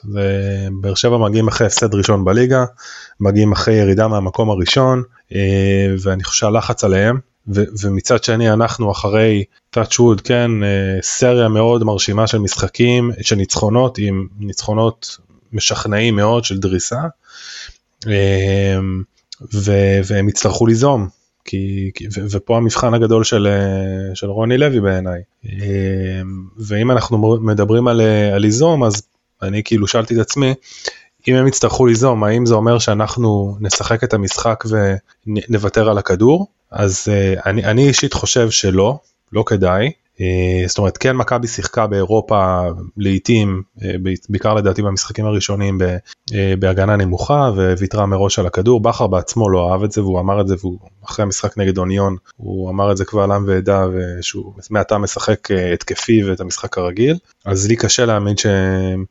שמכבי ישחקו ירדו אחורה ויזמינו את באר שבע ליזום. ו... ועוד נקודה לגבי... סליחה אני חייב לעצור אותך, כן. למה אתה חושב שבאר שבע כן. צריכה ליזום? מה, מה הסיבה? באר שבע רוצה, רוצה נקודות, רוצה להגיע למקום הראשון? כדי לנצח אתה צריך ליזום? אני לא, לא חושב שזה, באר שבע, מה, כאילו, אם יתקו במשחק הזה, זה רע לה? אה, זה לא רע לה אבל אני חושב שאתה יודע מה כן אני חושב שזה רע לה. כי באר שבע מגיעים אחרי הפסד בליגה הם מגיעים אחרי משחק עד כמה שאני מבין לא משכנע כל כך בגביע. יש פה גם הרבה עניינים. בסדר ניצחו מדקה 120 אבל אם זה היה משחק ליגה זה היה נגמר בתיקו ורוני לוי וכדור שלג ועניינים ולחץ והקהל גם ככה לא נראה לי כל כך אוהב אותו. אה, אני לא אתפלא אם אה, יהיה 0-0 במחצית ושקהל ישרוק לו בוז. לא תן לי שנייה להבין כי אני באמת מנסה להבין כי אני הנרטיב שלך שאתה מתאר פה הוא mm-hmm. מאוד מוזר לי אוקיי? אוקיי אני הייתי בטוח ש, שבאר שבע של רוני לוי כאילו תתפרק בסדר? מתישהו עכשיו מה אתה אומר לי אתה אומר לי באר שבע חייבת ליזום באר שבע צריכה להתנהג הפוך מכל האינסטינקטים של רוני לוי שהיא מגיעה אחרי שמונה משחקים שניצחו שבעה משחקים ברציפות אוקיי? משחק אחד נגד מכבי תל אביב לא תגיד נגד אה, אתה יודע נגד קריית שמונה או נגד אשדוד או נגד אה, בית"ר ירושלים או איזה קבוצה חלשה סליחה הפסידו, הפסד ראשון העונה, אוקיי? אחרי 16 משחקים, והם עכשיו חייבים לנצח, כי אחרת, וואלה, רוני לוי מתחיל כדור שלג. זה, זה מה שאתה אומר. תראה, הדרך היחידה, בוא נס, אני אנסה לענות לך על זה ככה, הדרך היחידה של הפועל באר שבע אה, לנצח, היא בזה שאנחנו נשחק את המשחק הרגיל שלנו והם יקצו אותנו ממתפרצות. עכשיו, אוקיי. בסמי עופר זה לא כל כך עבד בואו נסכים שהיה משחק הזיה בסמי עופר והיו פה כאילו מין אה, אה, דברים לא, לא מוסברים אולי אוקיי אנחנו גם נפלנו לפרובוקציות וגם על זה רציתי לדבר. אה, ולכן אני חושב שאם אנחנו נשחק את המשחק הרגיל שלנו, אני לא בטוח שזה יעזור להפועל באר שבע, אה, המתפרצות והמשחק הנמוך. לכן אני חושב שבוא נגיד למאמן, אם אני הייתי במקום רוני לוי, הייתי אומר אוקיי, אני רוצה להראות וגם להעביר מסר שאני נלחם על המקום הראשון ורוצה לנצח ורוצה להשיג אותו, אז אני כן, אני אשחק ואני איזום. ו- ואני אומר עוד פעם, יש פה בעיניי משמעות מאוד חשובה לזה שהם משחקים בבית, ועם זה שהוא לא ייזום או ישחק קו נמוך, לדעתי הוא יקבל שם בוז. הקהל לא יאהב את זה. אמ, אני, אני, אני יכול שאלה, אני, אני רק מזכיר לך, לא רגע, שנייה, רק רוצה להגיד משהו, נתן. אני רוצה להזכיר לך שלפני שבועיים, אוקיי? באה קבוצה, אה, מכבי שיחקה את המשחק הרגיל שלה, דפקה לך שני שערים תוך רבע שעה, ואם היה לה סגל טיפה יותר עמוק, היא הייתה גם מנצחת אותך בקלות, אוקיי? ועכשיו אתה אומר לי, רוני לוי לא צריך לקחת את מה שעשה, שנייה רגע, שנייה, תן לי לסיים, את, את, את, את, את מה שעשה אה, קרסטייץ' מול מכבי חיפה, אוקיי? הוא צריך לעשות משהו אחר, הוא צריך ליזום, בניגוד גמור, בניגוד גמור לאינסטינקטים שלו, לדעתי, כן? מה שאני מכיר את רוני לוי בתור מאמן של הקבוצה שלי כמה פעמים וכמה שנים, ו, ובגלל שהוא חייב עכשיו נקודה הפרש ממכבי חיפה, נקודה הפרש, אוקיי? חייב לנצח את המשחק הזה. אני, אני מצטער, כן? אני חושב שזה פשוט לא נכון. אני חושב שאם אני רוני לוי, אני עולה הגנתי, אני עולה לסגור את המשחק, אני עושה אותו דבר בדיוק כמו שעשיתי בחיפה, אה, ואני עושה פרובוקציות, ואני שם את שכטר שם, ומעצבן את ההגנה של מכבי חיפה כמה שאפשר, כי הגנה שלנו, כמו שמתן אמר, אולי התקפה היא מצוינת, אבל הגנה קצת פחות, ואתה יודע מה?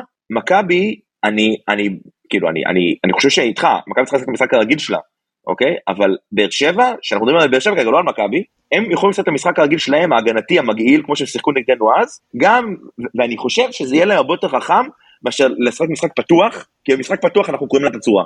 אנחנו פשוט קוראים לה את הצורה, אין, אין, אין פה, אין, לדעתי, במשחק פתוח, שכל הקבוצות משחקות פתוח, לצוץ, אנחנו, אנחנו מובילים 4-0 בדקה ה-60. תנו לי רגע לשאול אתכם שאלה. אני רק אגיד משהו קטן לגבי, כן. השאלה שמנחה לזה, האם לדעתכם מכבי תהיה מרוצה מתיקו? כן או לא? כן. כן. תראה זה תלוי איך המשחק יתפתח כן אם אה, לא בסדר עזוב ברמה עקרונית מכבי לפני המשחק אתה אומר לתת מה זה מכבי האוהדים הקבוצה בכר מה זה מכבי בכר בכר בכר מרוצה מתיקו חד משמעית ברור כן. אם בכר תסתכל על איך בכר חמש שנים של בכר עם מאמן תיקואים התיקואים נגד מכבי תל אביב לקחו את האליפות שנייה שנייה אם בכר מרוצה מתיקו אז יש משהו במה שנדב אומר לדעתי. כי אם בכר מרוצה מתיקו. אבל נדב דיבר על באר לא- שבע, לא דיבר על מכבי. שנייה, שנייה. מה אתה אומר? אני יודע.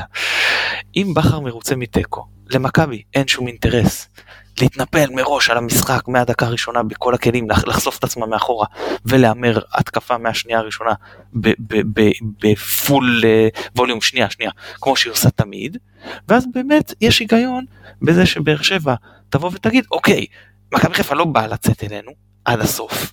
אה, היא לא תשאיר לנו את המרחבים שאנחנו כל כך אוהבים. אין, לשבת מאחורה ולנסות לתפוס אותם במתפרצות זה חסר היגיון במשחק הזה, אנחנו נצטרך ליזום. אבל אם בכר יבוא בגישה הרגילה שלו, שזו גישה לא מרוצה מתיקו, שאני חושב שזה מה שהוא הולך לעשות, ואני לא חושב, שאני חושב שאם יגידו לבכר לפני המשחק תיקו, יגיד לחלוטין לא. אז מכבי תבוא לשחק את המשחק הרגיל שלה, להתנפל ליריבה בשביל לנצח, תיקח את הסיכונים שצריך שתנצח, סיכונים שהיא לא לקחה במשחקים באירופה, שראית מה זה מכבי שמרוצה מתיקו, איך היא עולה, ואיזה סיכונים היא לוקחת מהפתיחה, ומכבי בליגה איזה סיכונים היא לוקחת מהפתיחה, וזה ההבדל בין מכבי שמרוצה מתיקו למכבי שלא מרוצה מתיקו. ואם מכבי תעלה ככה, אז באמת, אני חושב שהאינטרס של באר שבע הוא כן לשבת מאחורה ולנסות אה, לעשות מתפרצות, גם כי הגנתית אין לה שום דרך אחרת להתמודד עם מכבי, וגם כי התקפית זה הסיכוי הכי גדול שלה לתפוס את מכבי ולהפתיע אותה, כי בהתקפה מסודרת זה יהיה לה הרבה יותר קשה. אז אתה מסכים, אתה מסכים איתי. אני מסכים איתך בזה ש... אתה מסכים איתי שרוני לוי עדיף לשבת מאחורה. כן, אבל כי אני חושב שמבחינת בכר הוא בא לנצח את המשחק ולא בא להוציא תיקו, ולא מרוצה מתיקו, באיך שמכבי תשחק. לא, רגע, רגע, אז, אז בוא, אני רוצה להגדיר רגע מה שאמרתי, כי זה חשוב. כשאתה אומר מרוצה מתיקו, אוקיי, אני, הבנתי, זה כשאתה אומר שאחר כך באים להסתכל על מה היה במשחק, ואומרים, דה, מסתכלים על כל המשחקים, אומרים, תיקו פה אני סבבה, אוקיי? זה מרוצה מתיקו. במהלך המשחק יכולים לקרות מלא דברים, אוקיי? יכול להיות שבדקה ה-15 אה, במשחק נגד מכבי תל אביב, אם היית שואל את בכר אם הוא היה מרוצה מתיקו, הוא היה אומר לך בטח, אוקיי? יכול להיות, יכול להיות, אה, אה, אי אפשר לדעת, אוקיי? יכול להיות שמול סלאביה פראג, אם היית שואל את בכר לפני המשחק אם הוא היה מרוצה מתיקו, הוא אומר לך, ברור, עכשיו אני קונה תיקו, אבל ניצחת 1-0. להגיד לי מרוצה מתיקו ולהגיד שלפי זה אתה קובע איך המשחק ילך, זה נשמע לי אפס, לא בדיוק כמו שמאמני כדורגל עובדים. לא איך המשחק ילך. כל מאמני כדורגל מגיע למשחק, שנייה, שנייה, שנייה, שנייה, מתן. זה לא קשור איך הוא עולה טקטית, זה קשור למה הוא רוצה להשיג, אוקיי? עכשיו, אני אגיד לך משהו, בסדר? המרוץ אליפות הזה, יש לו שלוש דרכים שהוא כנראה הולך להתפתח. אם אנחנו מנצחים את המשחק הזה, אוקיי? יש סיכוי שמה שהולך לקרות באמת, זה שמה שנדב אמר, יש שריקות בוז, הפועל באר שבע תתפרק, אנחנו נרוץ לבד עד הסוף. זאת אופציה, אוקיי? לא אומר שהיא תקרה, אומר שזאת אופציה. יהיה פה תיקו, ושתי האגודות ימשיכו להמשיך עד, עד uh, עוד סוף הסיבוב הזה, ויהיה קצת בלאגן. אבל כנראה שמה שיקרה, אוקיי, גם אם באר שבע תנצח, וגם אם מכבי חיפה תנצח, וגם אם יהיה פה תיקו, אוקיי, זה שמכבי חיפה ינהל קבוצה הרבה יותר טובה, ואת האליפות אתה לא תיקח נגד הפועל באר שבע. האליפות לא תיקבע במשחק הזה, וגם רוני לוי יודע שאת האליפות הוא לא ייקח נגדנו במשחק הזה. זה לא שעכשיו הניצחון במשחק הזה יוכיח איזה משהו, כי מכבי חיפה להזכירך לא הפסידה אף משחק מאז המשחק בארץ, כן? לאף יריבה ישראלית מאז המשחק של נגד הפועל באר שבע, ספרתי 106 ימים, לא הפסדנו משחק אחד בארץ. אז אני חושב שאם אתה, אם אתה מסתכל על זה ככה, אם מכבי חיפה תפסיד לבאר שבע, אוקיי? ותמשיך לעשות רצף כזה של ניצחונות כמו שהיא עשתה, ואין סיבה שלא כמו שהיא משחקת, כי היא באמת ברמה אחת מעל הליגה, אוקיי? ברמה אחת מעל הליגה, אם לא שתיים ולא שלוש, אוקיי? אז, אז יש לך פה משהו אחר. זה לא שהמאבק הכי מרוצה או לא מרוצה מה, מהתיקו הזה, כמו שאני חושב שאם יהיה תיקו, זה יהיה לא נורא, אוקיי? למכבי חיפה, וזה משהו כזה, העניין פה זה עניין הרבה יותר מנטלי לדעתי מאשר כדורגל. כי, כי אתה יודע, דיברנו מלא לפני המשחק עם מכבי תל אביב, הגיע גול מוקדם, שטף את כל, אוקיי? שטף את הכל, פתאום הכל השתנה, אוקיי? זה המשחק שצריך לעמוד לנו מול העיניים, אוקיי? לא המשחקים האחרים, לא המשחקים נגד סכנין ונגד חדרה ונגד מכבי פתח תקווה, לא? המשחקים האלה שקבוצה שהיא באמת חזקה כמו מכבי, אוקיי, וכל הבלבולי מוח האלה של אנשים, של כתבי חצר, שממציאים שטויות, וכן, אני בטוח שאף אחד בבאר שבע לא אמר את זה, אוקיי? כי גם רוני לוי, אין מצב שהוא יגיד את זה, בטח לא, בגלל זה בעילום שם, שהסגל שלנו יותר טוב מהסגל שלהם. לא, אנחנו משחקים, אבל כן כדורגל הרבה יותר טוב. באר שבע זאת קבוצה מצוינת, ויש סיבה למה היא לא הפסידה אף משחק, או אפילו רק אחד, במשך ה-16 משחקים האחרונים אה, אה, בליגה ובגביע, אוקיי? ו, ואני חושב באמת שאם אני רוני לוי, אוקיי, הדבר האחרון שאני עושה, אני רוצה להרגיע את המשחק, להרוג אותו, להוציא למכבי את המיץ, לגרום להם, אתה יודע, קטנות לרגליים, להוציא כדורים, לעשות פאולים מגעילים, בדיוק כמו שבאר שבע של רוני לוי עשתה במשחק הראשון, רק אולי, אתה יודע, יש, יהיה להם הרבה יותר, אה, אה הרבה פחות אה, בלאגן, כי המשחק הזה, לשמחתם הוא הבית שלהם, והשופט קצת יותר צד שלהם, והקהל יהיה על, על, על הקווים, וישגע את מכבי, ואי אפשר לשמוע כלום, וזה המשחק שלך, המשחק קצת מגעיל ביום שני. עופר, הקהל לא ישגע את מכבי. אלא אם אנחנו נפקיע גול מוקדם, ואז יהיה משחק אחר לגמרי. זה הדבר היחיד שיכול לקרות בשביל המשחק. יהיה משחק מגעיל, 0-0 אני חושב שהולך להיות, באמת. אבל אם רוני לוי ואם מכבי חיפה אה, אה, אה, יעשו את מה שאמורים לעשות, ואם רוני לוי ישחק פתוח, ויחליט שהוא בא לרוץ ולהפקיע גולים ולנצח את המשחק הזה, מכבי חיפה תכה אותו שוק על ירח. בגלל זה, נדב, אוקיי, אני מתן פה, ואני, ואני אומר לך, שאם רוני לוי לא יגן וישחק מגעיל ויבואו משחקים בין השיניים ולשרוט ולנשוך, יהיה פה תבוסה, תבוסה היסטורית במשחק עונה, מאז ה-5-0 לא הייתה כזאת. עופר, אתה... תשמע, אחרי כל ההימורים המוצלחים שלך, לא אתווכח. עופר אני מסכים הרבה עם אני מסכים הרבה עם מה שאמרת ולא קלט לדעתי. אתה יכול להגיד מה זה קשור לאם יהיה גול בדקה הראשונה והכל משתנה למה שאני אומר. אני אומר צורה שקבוצה עולה למשחק. גם כשאתה אומר עם פראג עם זה אם היית שואל את כן את בכר בתחילת המשחק אם אתה אמרת אולי שכן בסוף ניצחנו אז מה זה לא קשור זה משנה לאיך אתה עולה וזה משנה לאיך מאמן היריב מגיב. עכשיו אני מאוד מאוד מסכים איתך שרוני לוי מבין אה, שאין לו סיבה להכריע עכשיו את העונה, הוא לא עכשיו צריך להכריע את העונה. אם הוא יגיע בפיגור לסיבוב השני של הבית העליון למשחק בית שהוא בפיגור נקודה, יכול להיות שאז הוא יבוא לשחק על ניצחון. אני בטוח שאם אתה בא לרוני לוי עכשיו ואומר לו, אתם יודעים מה, עזבו איך המשחק מסתיים. אתה מגיע לדקה 70 0-0, הוא חותם ומשלם לך כסף בשביל זה. אין לו בעיה לבוא ושהמשחק יוכרע ב-20 דקות. עכשיו שנייה שנייה למה, למה אני לוקח זה היה משחק שפיגרנו 1-0 בפתח תקווה עם תשעה שחקנים ומי שלידי ביציע אמר אנחנו בפיגור. אני, אני לא זוכר אפילו אם זה היה רוני לוי או מאמן אחר. למה אתה לא מכניס שחקני התקפה?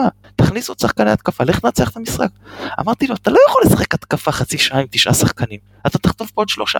אתה תתמצם את המשחק לחמש דקות, ותקווה שבחמש דקות האלה, אז תכניס את שחקני התקפה, ותקווה שאז ייפול לך משהו. ובמקרה תפסו את דקל ברחבה, ועטר שם אחד אחד.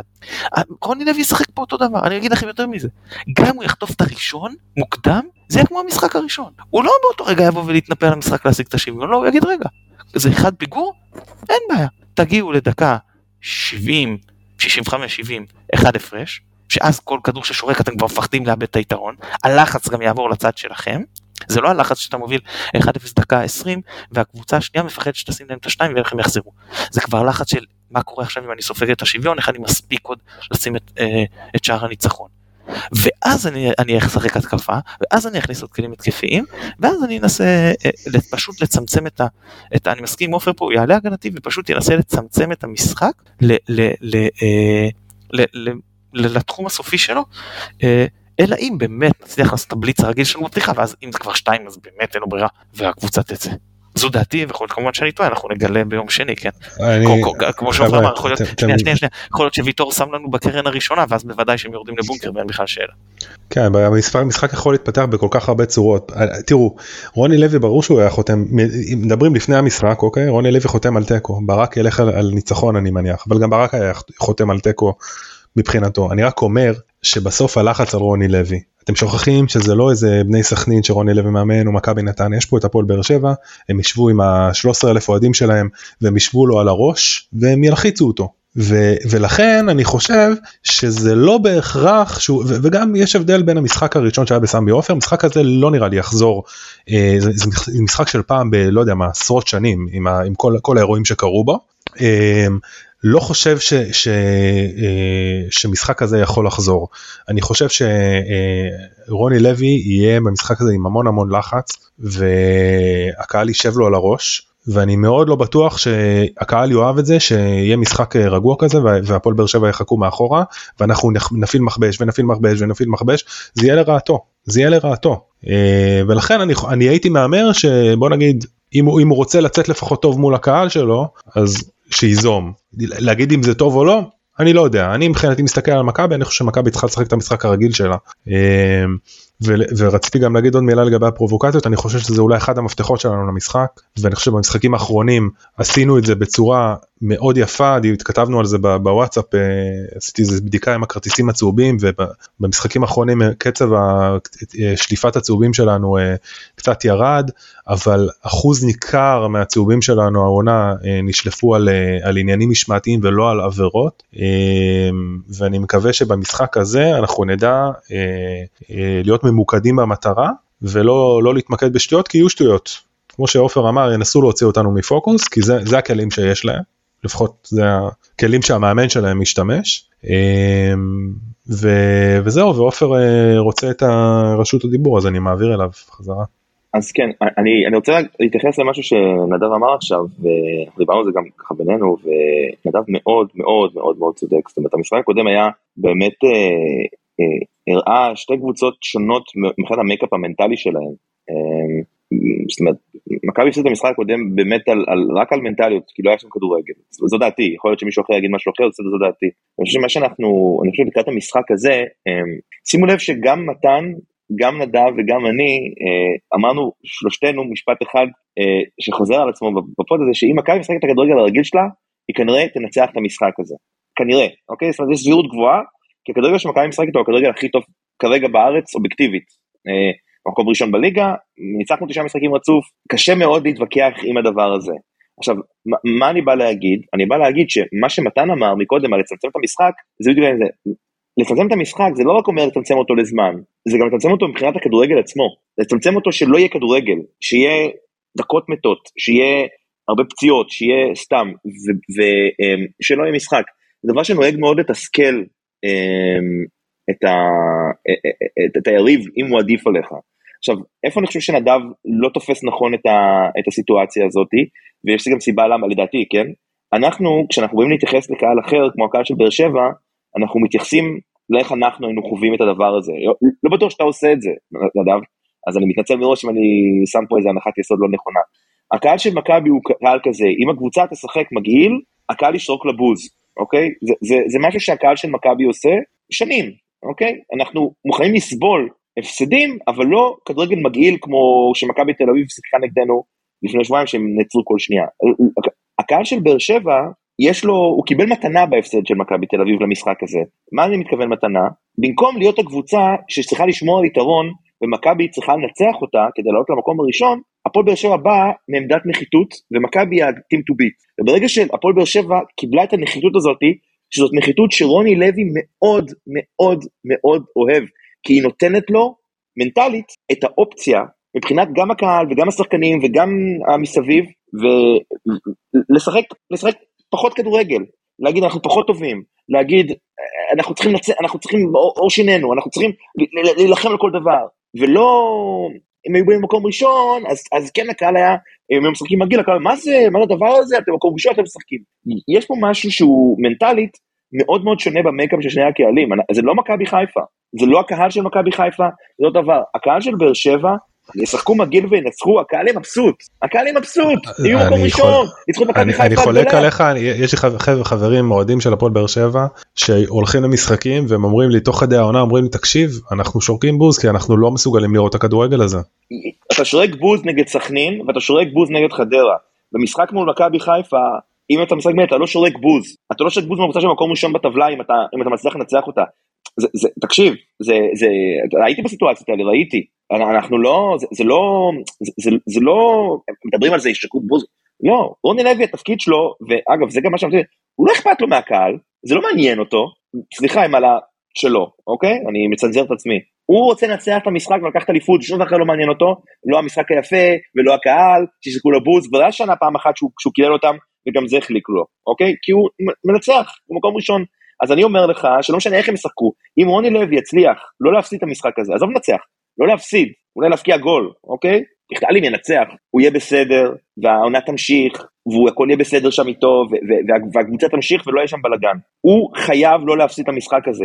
רוני לוי מפסיד את המשחק הזה, יש לו פה בלאגן. בגלל זה, אני אומר לך, מנטלית, ההפסד שלהם למכבי תל אביב בא להם טוב, כי הם היו צריכים להפסיד מתישהו, ועדיף להפסיד נגד מכבי תל אביב, שזה הפסד נסבל והגיוני וסביר בחוץ מול 30 אלף איש במשחק הזה, מול הפסד מגעיל כזה, כמו שרוני לוי היה מפסיד לנו פעם, אתה כמו איזה 1-0 לכפר סבא בחוץ כזה, למי שזוכר את, ה, את המשחק ההוא שאני מדבר עליו, שזה הפסד שאתה מסתכל ואתה אומר, אה", שאתה לא יכול להסביר אותו, אוקיי? אז, אז יש פה עניין, והקלפים האלה טוב את רוני לוי פה. יש שמועות שהפנדל של שכטר עדיין מתגלגל לו באיצטדיון לויטה באותו משחק ועדיין לא הגיע לשער. אה, אני אגיד לגבי הזמן שאמרת, אז במשחק הקודם שיחקו 46% מהזמן ברוטו, 46% היה רק זמן משחק, וזה לא רק שזה מתסכל את היריבה, זה גם שובר מומנטום. אה, ואני אגיד, אני יודע לא שאני לא מסכים לגבי, שוב העניין הזה אם בכר קונה את הקולות, תראו, מכבי מגיעה בפורמה מטורפת, כשהיא במומנטום אדיר, בכושר מצוין, עם רצף נפלא, שבכר אמר גם שהוא רוצה לשבור את השיא. למרות שאותי אישית זה לא כזה מעניין, אבל הוא כן התייחס לזה. כשהיריבה אחרי הפסד, כשלראשונה אולי העונה אנחנו מגיעים מול יריבה בסדר גודל כזה, שהסגל שלנו הרבה יותר fit משלהם, הם עם החוסרים, עם השחקנים בספק וזה אנחנו, חוץ מטלב לכאורה הסגל אמור להיות מלא, גם אם נכון שלא כולם כשירים ל-90 דקות, או לא כולם אגב, שכחתי להגיד את זה בסיכום של המשחק אה, שלנו נגד בית"ר ירושלים. אגב יש לזה משמעות מאוד מאוד גדולה לטובתנו. כן, שכחתי להגיד שנטע לביא... מאוד מאוד גדולה. רציתי להגיד שבמשחק האחרון נטע לביא נראה חלוד, אבל זה לא מדויק, הוא נראה עם קורוזיה. זה באמת נראה אה, אה, לא טוב, אבל, וגם שהוא חושש על הרגל, אבל בסדר, לא משנה. זה עוד כלים, ובאמת אנחנו עם סגל עמוס כל טוב, אז, אז אנחנו מגיעים למשחק כזה, שוב, ושהם, אנחנו שיחקנו 20 דקות ואז עברנו להליכה בגביע והם שיחקו 120 דקות, אז נכון שחמישה ימים זה הרבה זמן להתאושש, זה לא שלושה, ועדיין זה גם לא שבוע ויש משמעות ל-120 דקות אה, אינטנסיביות. כשאני לוקח את כל הדברים האלה ביחד, וזה שם פשוט קבוצה יותר טובה עם סגל יותר טוב, ויש עוד עצבני על, על המשחק הקודם, ועל הקהל של באר שבע בטח שלא אה, אה, לא אהב את, את כל העזיבה שלו, ואני מזכיר לכם שעופר, אם אתה זוכר, היית איתי בהקלטה, והיינו בטוחים שאוהדים של באר שבע יעדיפו את מכבי שתזכה באליפות ולא את מכבי תל אביב. והם אמרו לו בגלל בכר אנחנו רוצים שמכבי תל אביב תזכה באליפות ולא אתם. עם אה, סופט קאסט 7 איך שלא קוראים להם. אה, ואז עם כל הריכוז של כל הדברים האלה אני חושב שבכר לא היה חותם על תיקו הוא רוצה פה ניצחון והייתי אומר אפילו הוא כן יקנה ניצחון קטן אבל לדעתי הוא רוצה ניצחון חד משמעי. אבל בואו נשים את כל המסביב בצד ובואו נעבור לדבר החשוב והוא מה ההרכב, אני אשאל אתכם ככה, מה ההרכב שלכם ומה ההרכב שאתם חושבים שבכר יפתח, אז אה, בוא נדב תתחיל. אני רק אגיד משהו קטן שאין לי פה את, כאילו את המאזן אה, מולי, אני זוכר שבדקתי את זה בעונה שעברה, אבל המאזן בין רוני לוי לברק בכר לא בהכרח מחמיא כל כך לבכר. אה, אני לא בטוח שיש לו יותר ניצחונות מאשר רוני לוי, אני מקווה שזה שזה לא, לא ישחק תפקיד ביום... וזו הזדמנות לתקן את העוול הזה. נכון, לשבור, נכון לגמרי.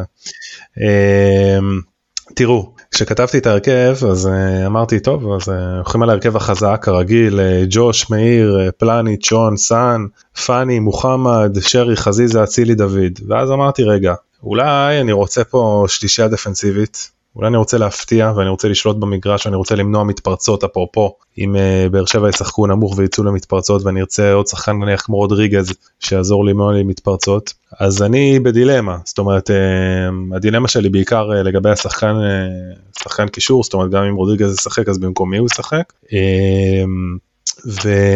אבל מה שאני כן חושב ששנייה זה קשור גם להרכב אבל ש... ואני שמח על זה שיש עכשיו יותר אופציות לבכר. בגלל שבאמת לביא גם אם הוא חוזר עכשיו לרבע שעה והוא כשיר לרבע שעה או רודריגז שיהיה כשיר אני מקווה מאוד למשחק שלם זה נותן כל כך הרבה אופציות ל... לברק בכר. אמ, ו...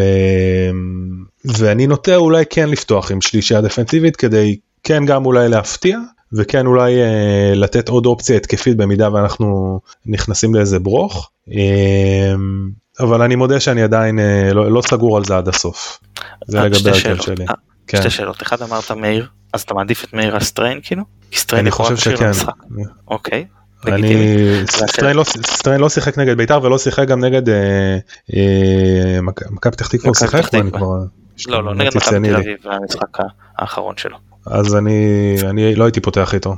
אוקיי. כאילו זאת אומרת זה ואם שלישייה דפנסיבית אז על מי אתה מוותר על שרי? שאלה טובה אני אין לי תשובה אני לא יודע להגיד בשלוף זו שאלה טובה כאילו זה, זה, זה דילמה קבועה. תראה אצילי אצילי מלך השערים מלך הכל עובר דרכו חזיזה משחק אולי על חזיזה אולי על חזיזה. בין השלישה אולי הייתי מוותר על חזיזה. ואז אני משחק כאילו בשמאל או שמשחק לא סימטרי. לא סימטרי. זו גם שאלה בעצם. אוקיי. כן, לא כן. סימטרי. עופר מה ההרכב שלך? אה, אז ככה כהן בשער סן מנחם, פלניץ', שון, אה, מגן ימני אני מפתיע ועולה עם אה, חוזר רודריגז, אם הוא כשיר, אה, אני שם את עלי ואת אבו פאני באמצע, שרי, חזיזה, מספר 7 ודין דוד. אני אסביר רגע למה אני שם את רודריגז, אני חושב שהוא משחק מצוין מגן ימני נגד הפועל תל אביב, נכון? זה היה משחק נגד הפועל תל אביב, משחק מגן ימני? אני חושב שהוא לא, שחקן שיכול לא, לשחק לא. בכל מיני... נגד הפועל תל אביב, הוא עלה שם לכמה דקות, לא, הוא עלה לכמה דקות וגיבה. כן, אבל אבל הוא לא, הוא לא דיבר על זה, אני חושב שזה היה בדרבי אולי. שהוא עלה מגן שמאלי בדרבי. לא משנה, הנקודה היא שאני חושב שהמערך הזה קצת... הוא עלה מגן שמאלי, הוא עלה מגן שמאלי נגד סכנין, הוא עלה מגן ימני נגד בית"ר ירושלים לדעתי ב-2-1. יש סיכוי. נגד חדרה, נגד חדרה, נגד חדרה. הוא עלה כמה פעמים, אני חושב שנגד חדרה היה אחד נגד חדרה. כן, נכון. עכשיו, אני אסביר רגע, אני חושב. אני גם רוצה לעלות עם שלישיית uh, קישור, ואני גם רוצה לעלות עם שלושה בלמים, ואני גם רוצה לעלות עם uh, הרכב הרגיל, וגם רוצה את הכל. והדרך היחידה לעשות את הכל, זה לשים שם את רודריגז, כי הוא פשוט עושה הכל. אז, והסיבה שהייתי עולה עם רודריגז בהרכב, בהרכב קצת מוזר כזה, um, זה כי אני חושב שהבעיה העיקרית של מכבי תהיה עם עלי מוחמד, שבמשחק עם מכבי כמו שמתן אגב דיבר על זה, הוא חושב שהוא לא מספיק פיזי, ואני חושב ששם רוני לוי, שהוא מאמן חכם, ידע לתקוע אותנו. עכשיו כשאתה משחק עם מישהו כמו רודריגז, יש לך את האופציה לעשות הרבה חילופים אחר כך, אתה יכול אה, לבוא לשלושה בלמים ולהוסיף עוד מגן ימני, אתה יכול להוריד את עלי, לשים את רודריגז בתור אה, אה, אה, קשטר אחורי ולהביא מגן ימני במקומו, יש המון אפשרות לשחק ככה. אה, אני אסייג ואני אומר, אוקיי, שאני די בטוח שבכר לא יעלה כמו שאני חושב, הוא עדיף לעלות עם מגן ימני טבעי, בין אם זה רז, בין אם זה סטריין, מישהו יותר כשיר, אה, אבל אה, זה, זה הכיף שאני הייתי עולה. אה, לשאלתך מתן, רק אסיים, ההרכב שהייתי עולה אה, איתו זה בדיוק ההרכב שפתח אה, נגד אה, מכבי פתח תקווה, כמדומני.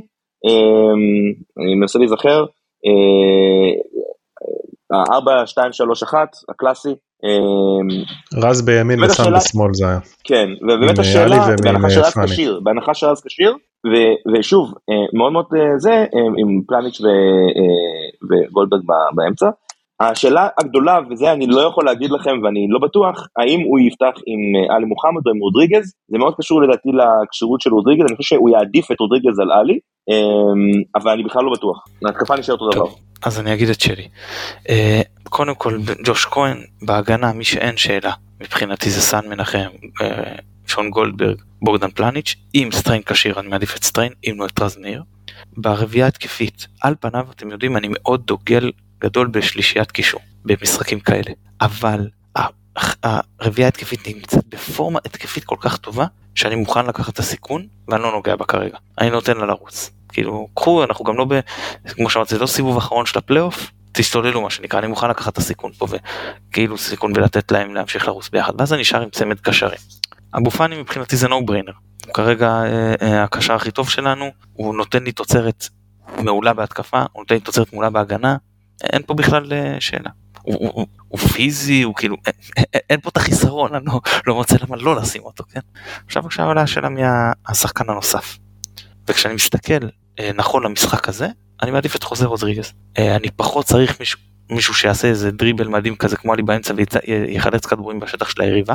לא שזה לא דבר טוב, זה דבר מצוין. יותר חשוב לי מישהו שידע לעצור את המתפרצות. יותר חשוב לי מי שידע שאם סן מנחם עולה צריך להיכנס לעמדה שלו, בסדר? או, או כל דברים שחוזר רודריגז יודע לעשות הרבה יותר טוב בתור קשר אחורי. אה, המימד הפיזי, אה, והיכולת גם להיכנס, לשנות מערכים איתו, אה, ואחרי זה, אם אני צריך, אני תמיד יכול להכניס בשלב יותר מאוחר את טלי מוחמד ולעבור לשחק יותר התקפי. בין אם במקום אגב אחד הקשרים, ואם אני צריך גם בתוספת אחד הקשרים, אם אני צריך, אני ביתרון ואני רוצה לשמור, או לא משנה מה. זאת בהנחה שרודריגז... מתן, אבל אפשר שאלה על זה רגע מתן? שנייה, שנייה, שנייה, אני רק אגיד, זאת בהנחה שרודריגז כשיר אה, לפתוח, כן, אנחנו לא יודעים אם זה המצב. כן, בבקשה. אה, בכר אגב יפתח לדעתי אם אני מוכן. זאת אומרת אני לא אני לא יודע לא בדקתי מי יותר מהיר עלי מוחמד או רודריגז אבל uh, אני אישית בתחושה שרוני לוי ינסה לעקוץ בעיקר כאילו בדריבליסטים uh, כמו שהוא עשה בעונה שעברה עם uh, סלליך לדעתי הפעם זה יהיה אספריה ואז אני חושב שדווקא עלי מוחמד זה שחקן שבמהירות שלו אני חושב שהוא יותר מהיר מרודריגז אולי הוא, הרבה פחות פיזי מרודריגז אבל הוא יכול יותר להתמודד עם המהירות של שחקנים כאלה שיחתכו לנו את הקווים באמצע בדריבל אה, בדריבל דרמטי. אתה לא חושב? אני לא אני פשוט לא לא ואני אגיד לך למה אני קודם רוצה מישהו שיהיה שם.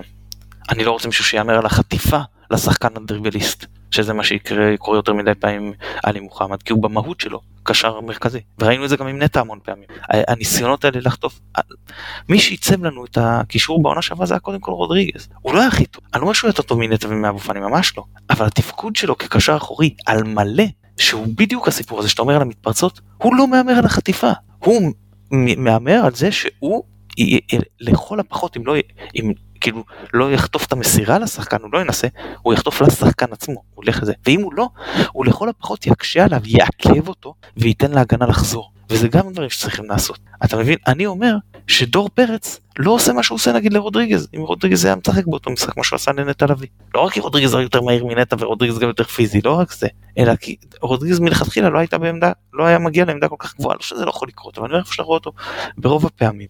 אה, למרות שהוא כן חמום מוח כמו חזיזה והסן מנחם שיכולים להוציא מהם ופלניץ' שהפרובוקציות האלה כן יכולות להוציא מהם צהובים וזה גם שיקול אני לא אומר שלא זה גם שיקול.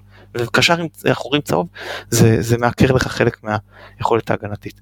אני חושב שנכון למשחק הזה יותר נכון ספציפית המשחק הזה יותר נכון לעלות עם רודריגז. שוב אני אני חושב שברק יעלה עם מאני מוחמד זה לא חד משמעי כי יש יתרונות גדולים גם לעלות עם מאני מוחמד כן? אין בכלל ספק זה ברור אבל יש גם יתרונות לעלות עם חוזר רודריגז ויש פה אה, סיכוי וסיכון ופה יש פה סיכוי כאילו מי שאתה לא אה, בוחר אה, סיכוי מסוים וסיכונים מסוימים. אני עליתי אולי עם רודריגז אם הוא כשיר. אני מניח שבכר יבחר את עלי מוחמד ושיהיה לו כאב ראש וגם שנטע יחזור וכולם יהפכו שנייה שנייה ואני רק אגיד את זה שמישהו מהם שלא יפתח תחשבו שפותחים עכשיו עלי מוחמד ו, ו, ונגיד ו, ואבו פאני ונותנים את מה שהם יודעים לתת ואחרי שהם מפרקים כל דבר שזז בקישור אז דקה 60-65 כבר עייפים.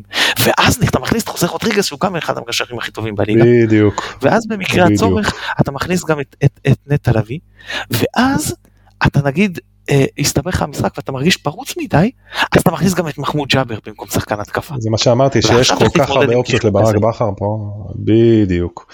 אני רק רציתי להגיד על הפרובוקציות שאני שמעתי רק לפני כמה ימים שווייזינגר במשחק נגד מכבי תל אביב ממש היה מבוגר אחראי ו... והרגיע קצת את השחקנים אה, ב... לקראת הסוף שם לא להיכנס לפרובוקציות ככה שאני לא לא בשירים שאחרי המשחק הוא, הוא, הוא עבר ודאג שהם לא ישירו משהו דברים שלא צריכים לשיר. כן אבל אני מה שה... זאת אומרת השורה התחתונה פה היא אותה שורה תחתונה יש פה איזשהו מבוגר אחראי יש זאת אומרת זה נושא שמכבי מבינה אותו ואני שמח על זה ו... ואני מאוד מקווה שבאמת אני מאמין גם שגם במשחק נגד הפועל באר שבע הם ידעו את זה יותר טוב וגם הפיקו לקחים מהמשחק הקודם אה, כי אמרת על רודריגז גם רודריגז נכון הוא, הוא קצת חמום מוח וגם פלניץ' שנוטה קצת להתחמם יותר. ופה אגב יש אה, גם משקל הקפטן כמה הוא הצליח להרגיע וכמה הוא הצליח אה, לשמור על, אה, על לגרום לשחקנים לשמור על פאסון. כן אגב אם אני לא טועה תקנו אותי אם אני טועה מלך השערים שלנו בטרנר זה נטע לביא לא? עם שניים אני לא חושב שיש לנו שחקן שכבש שם יותר שניהם מחוץ לרחבה אם זיכרוני אינו מטני. אה, אולי מאותה בלטה. כן, פחות או יותר מאותה בלטה אחד שער עם הרבה עזרה שפגע ואני לא זוכר במי והייתה את אה, ארוש ואחד באמת לשטקוס לחיבור חילוץ כדור. אה, איזה גול זה. היה, היה, אם אני לא טועה, אם אני לא טועה, אה, אה, הוא עשה את זה גם כמה שבועות אחרי לג'רפי, גם בניצחון 5-0, שזה כבר היה, בתקווה שאני לא מערבב פה בין עונות, אני חושב שאני לא. טוב, עוד דבר שאתם רוצים לא. לקראת, אז טוב, עוד דבר שאתם רוצים לקראת המשחק, אופטימיים, פסימיים, איך אתם מרגישים באופן אישי? אני רק אגיד. בהמשך לנביחה הקודמת שלי, רגע, שלא יהיה גשם ביום שני בבאר שבע, אה, כי שמעתי שהגג שם הוא אציליה, כמו שהחבר פרלה מזל טוב אה, קורא לה, אה, תגן עלינו, אה, על מי שיהיה שם, לא עליי, אבל על, שניכם, שלא לא, לא. לא ירד לכם יותר מדי גשם. היא היא בעייתית במזרחי, לא אין לי את בצ- הבעיות. לא בצפוני, בצפוני, כן, בצפוני, בצפוני. בסדר. אז- כן. מבחינתנו- אני, האמת שאני אופטימי כאילו אני חושב ש... בוא נגיד ככה אני, אני מאמין שאם אנחנו נכבוש ראשונים אז, אז יהיה בסדר ושוב כאילו אני אומר גם תיקו גם תיקו יהיה בסדר מבחינתנו אז כל עוד תהיה הכנה טובה וזה אני מאמין שבאמת יהיה בסדר. אני, אני אגיד לכם ככה, במשחק נגד באר שבע, הראשון, כולם אמרו, אני מזכיר לכם ב space, אין סיבה שלא ננצח, קבוצה הרבה טובה, ננצח וזה. ואני אמרתי חבר'ה, אני ממש לא, לא, לא חושב, והם לא בטוח, והפסדנו. ונגד מכבי אביב כולם אמרו הנה הזדמנות לפרק אותם וזה ואני חשבתי אמרתי לא מנצחים ובסוף הצלחנו כן לנצח אבל זה הלך קשה אה, אז אני לא יודע מה אומרים הפעם אבל הפעם בניגוד לאותם משחקים יש לי הרגשה טובה יש לי הרגשה טובה ויכול להיות שאני טועה כן כמו שטעיתי נגד מכבי תל אביב שחשבתי שלא מנצחים.